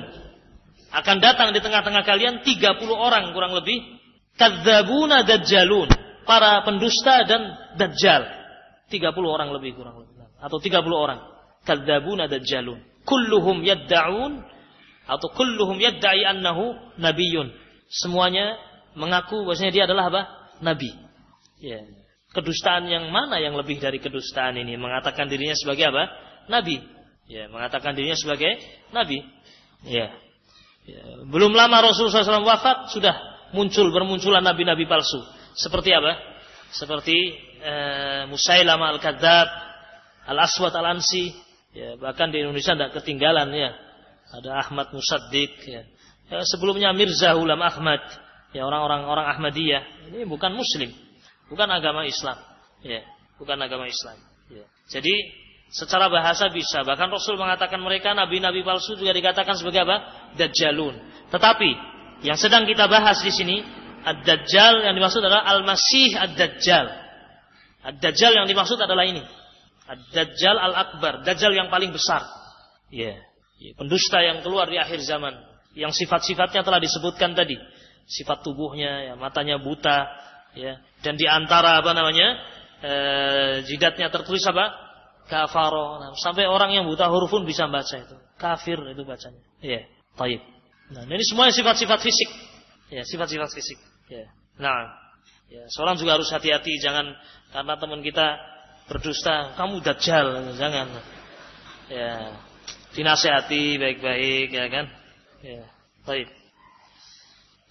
Seorang ikhwan yang memelihara televisi dengan alasan agar anaknya tidak nonton di rumah tetangganya. Apakah ini adalah tindakan yang benar? Ya tidak benar. Tidak benar. Ya, taib. Bisa lebih ber... malah nanti dia nonton di rumahnya dan nonton dia apa? Nah, tetangganya double, ya kan? Ya. Taib. Nah, tidak benar yang seperti ini.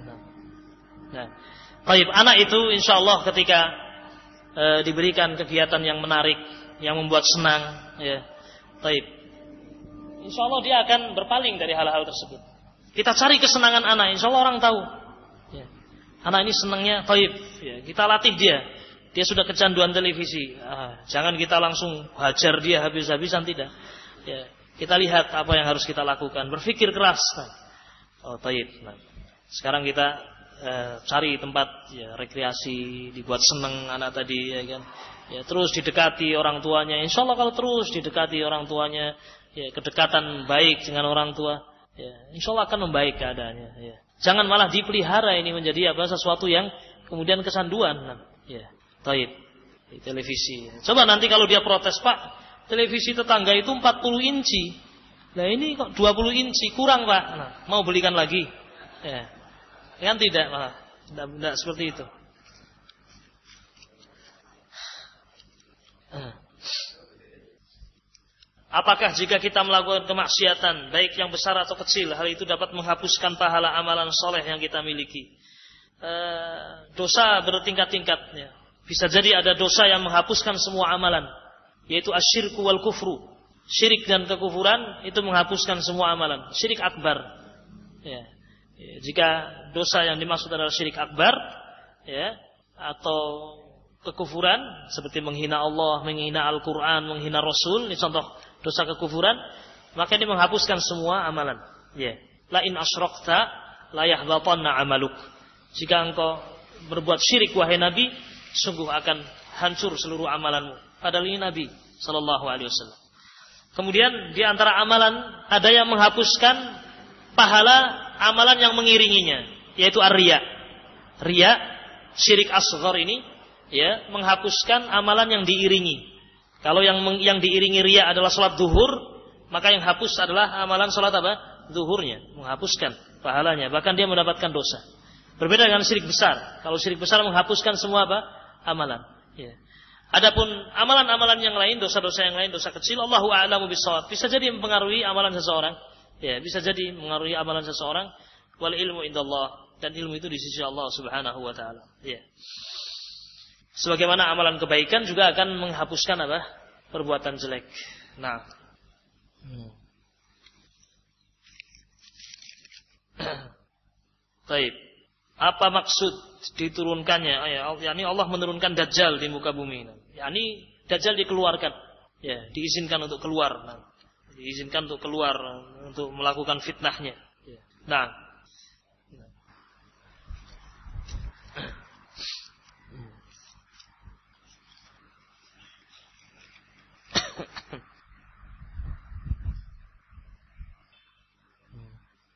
Taib.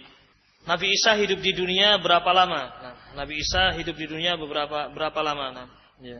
Dan kenapa Dajjal dinamai Al-Masih juga? Ya.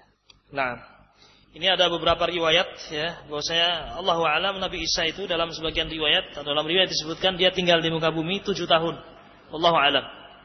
Ya. Taib. Uh, dan berapa dan kenapa Dajjal diberi nama Al-Masih? Ya, Al-Masih. Kenapa Dajjal dikatakan Al-Masih?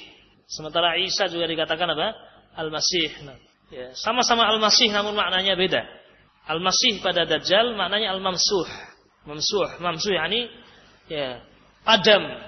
Padam matanya, ini buta. Ya, mamsuh. Ya, adapun Nabi Isa alaihissalatu Al-Masih karena beliau apa? mengusap. Ya. Dengan mengusap itu beliau apa? menyembuhkan orang-orang yang apa? yang sakit dengan izin Allah Subhanahu wa taala. Ya, ini di antara eh, kenapa dikatakan Al-Masih Ad-Dajjal dan Al-Masih eh, apa namanya? Isa Isa Al-Masih. Nah. Nah. Eh. Perkara apa saja yang bisa mematikan hati? Ya, secara umum adalah zunub. Nah, dosa-dosa dan kemaksiatan.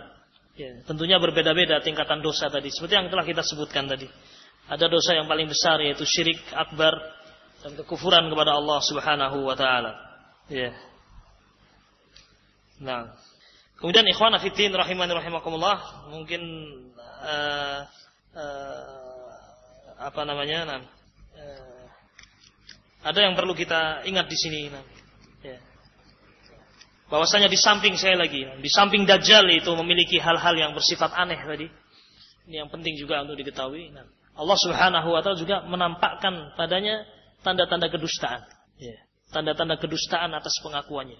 Dan ini adalah bentuk rahmat Allah Subhanahu wa taala. Ya. Bentuk kasih sayang Allah Subhanahu wa taala. Ya. Nah, adapun keanehan-keanehan tadi ini juga dengan izin Allah Subhanahu wa taala, dengan hikmah untuk menguji manusia. Untuk menguji manusia dan Allah Subhanahu wa taala Maha kuasa dan Allah Subhanahu wa taala Maha berkehendak. Dan di antara hikmahnya yaitu untuk membedakan mana di antara orang-orang yang beriman dan mana orang-orang yang tidak beriman. Mana di antara orang-orang yang munafik dan mana orang-orang yang apa? Yang jujur dalam keimanannya. Dan apa yang Allah lakukan semuanya adalah kebaikan dan penuh dengan hikmah. Dan kita tidak mengatakan kenapa Allah melakukan ini. Namun justru kita yang akan ditanya oleh Allah Subhanahu wa taala. Mungkin itu ikhwan yang bisa kita sampaikan pada kesempatan ini mudah-mudahan yang sedikit ini berfaedah dan bermanfaat untuk saya pribadi secara khusus dan juga untuk seluruh kaum muslimin dan mohon maaf jika ada hal-hal yang kurang berkenan. Uh, Subhanakallahumma wa bihamdika asyhadu an la ilaha illa anta astaghfiruka wa atubu ilaik. Walhamdulillahirabbil alamin. Assalamualaikum warahmatullahi wabarakatuh.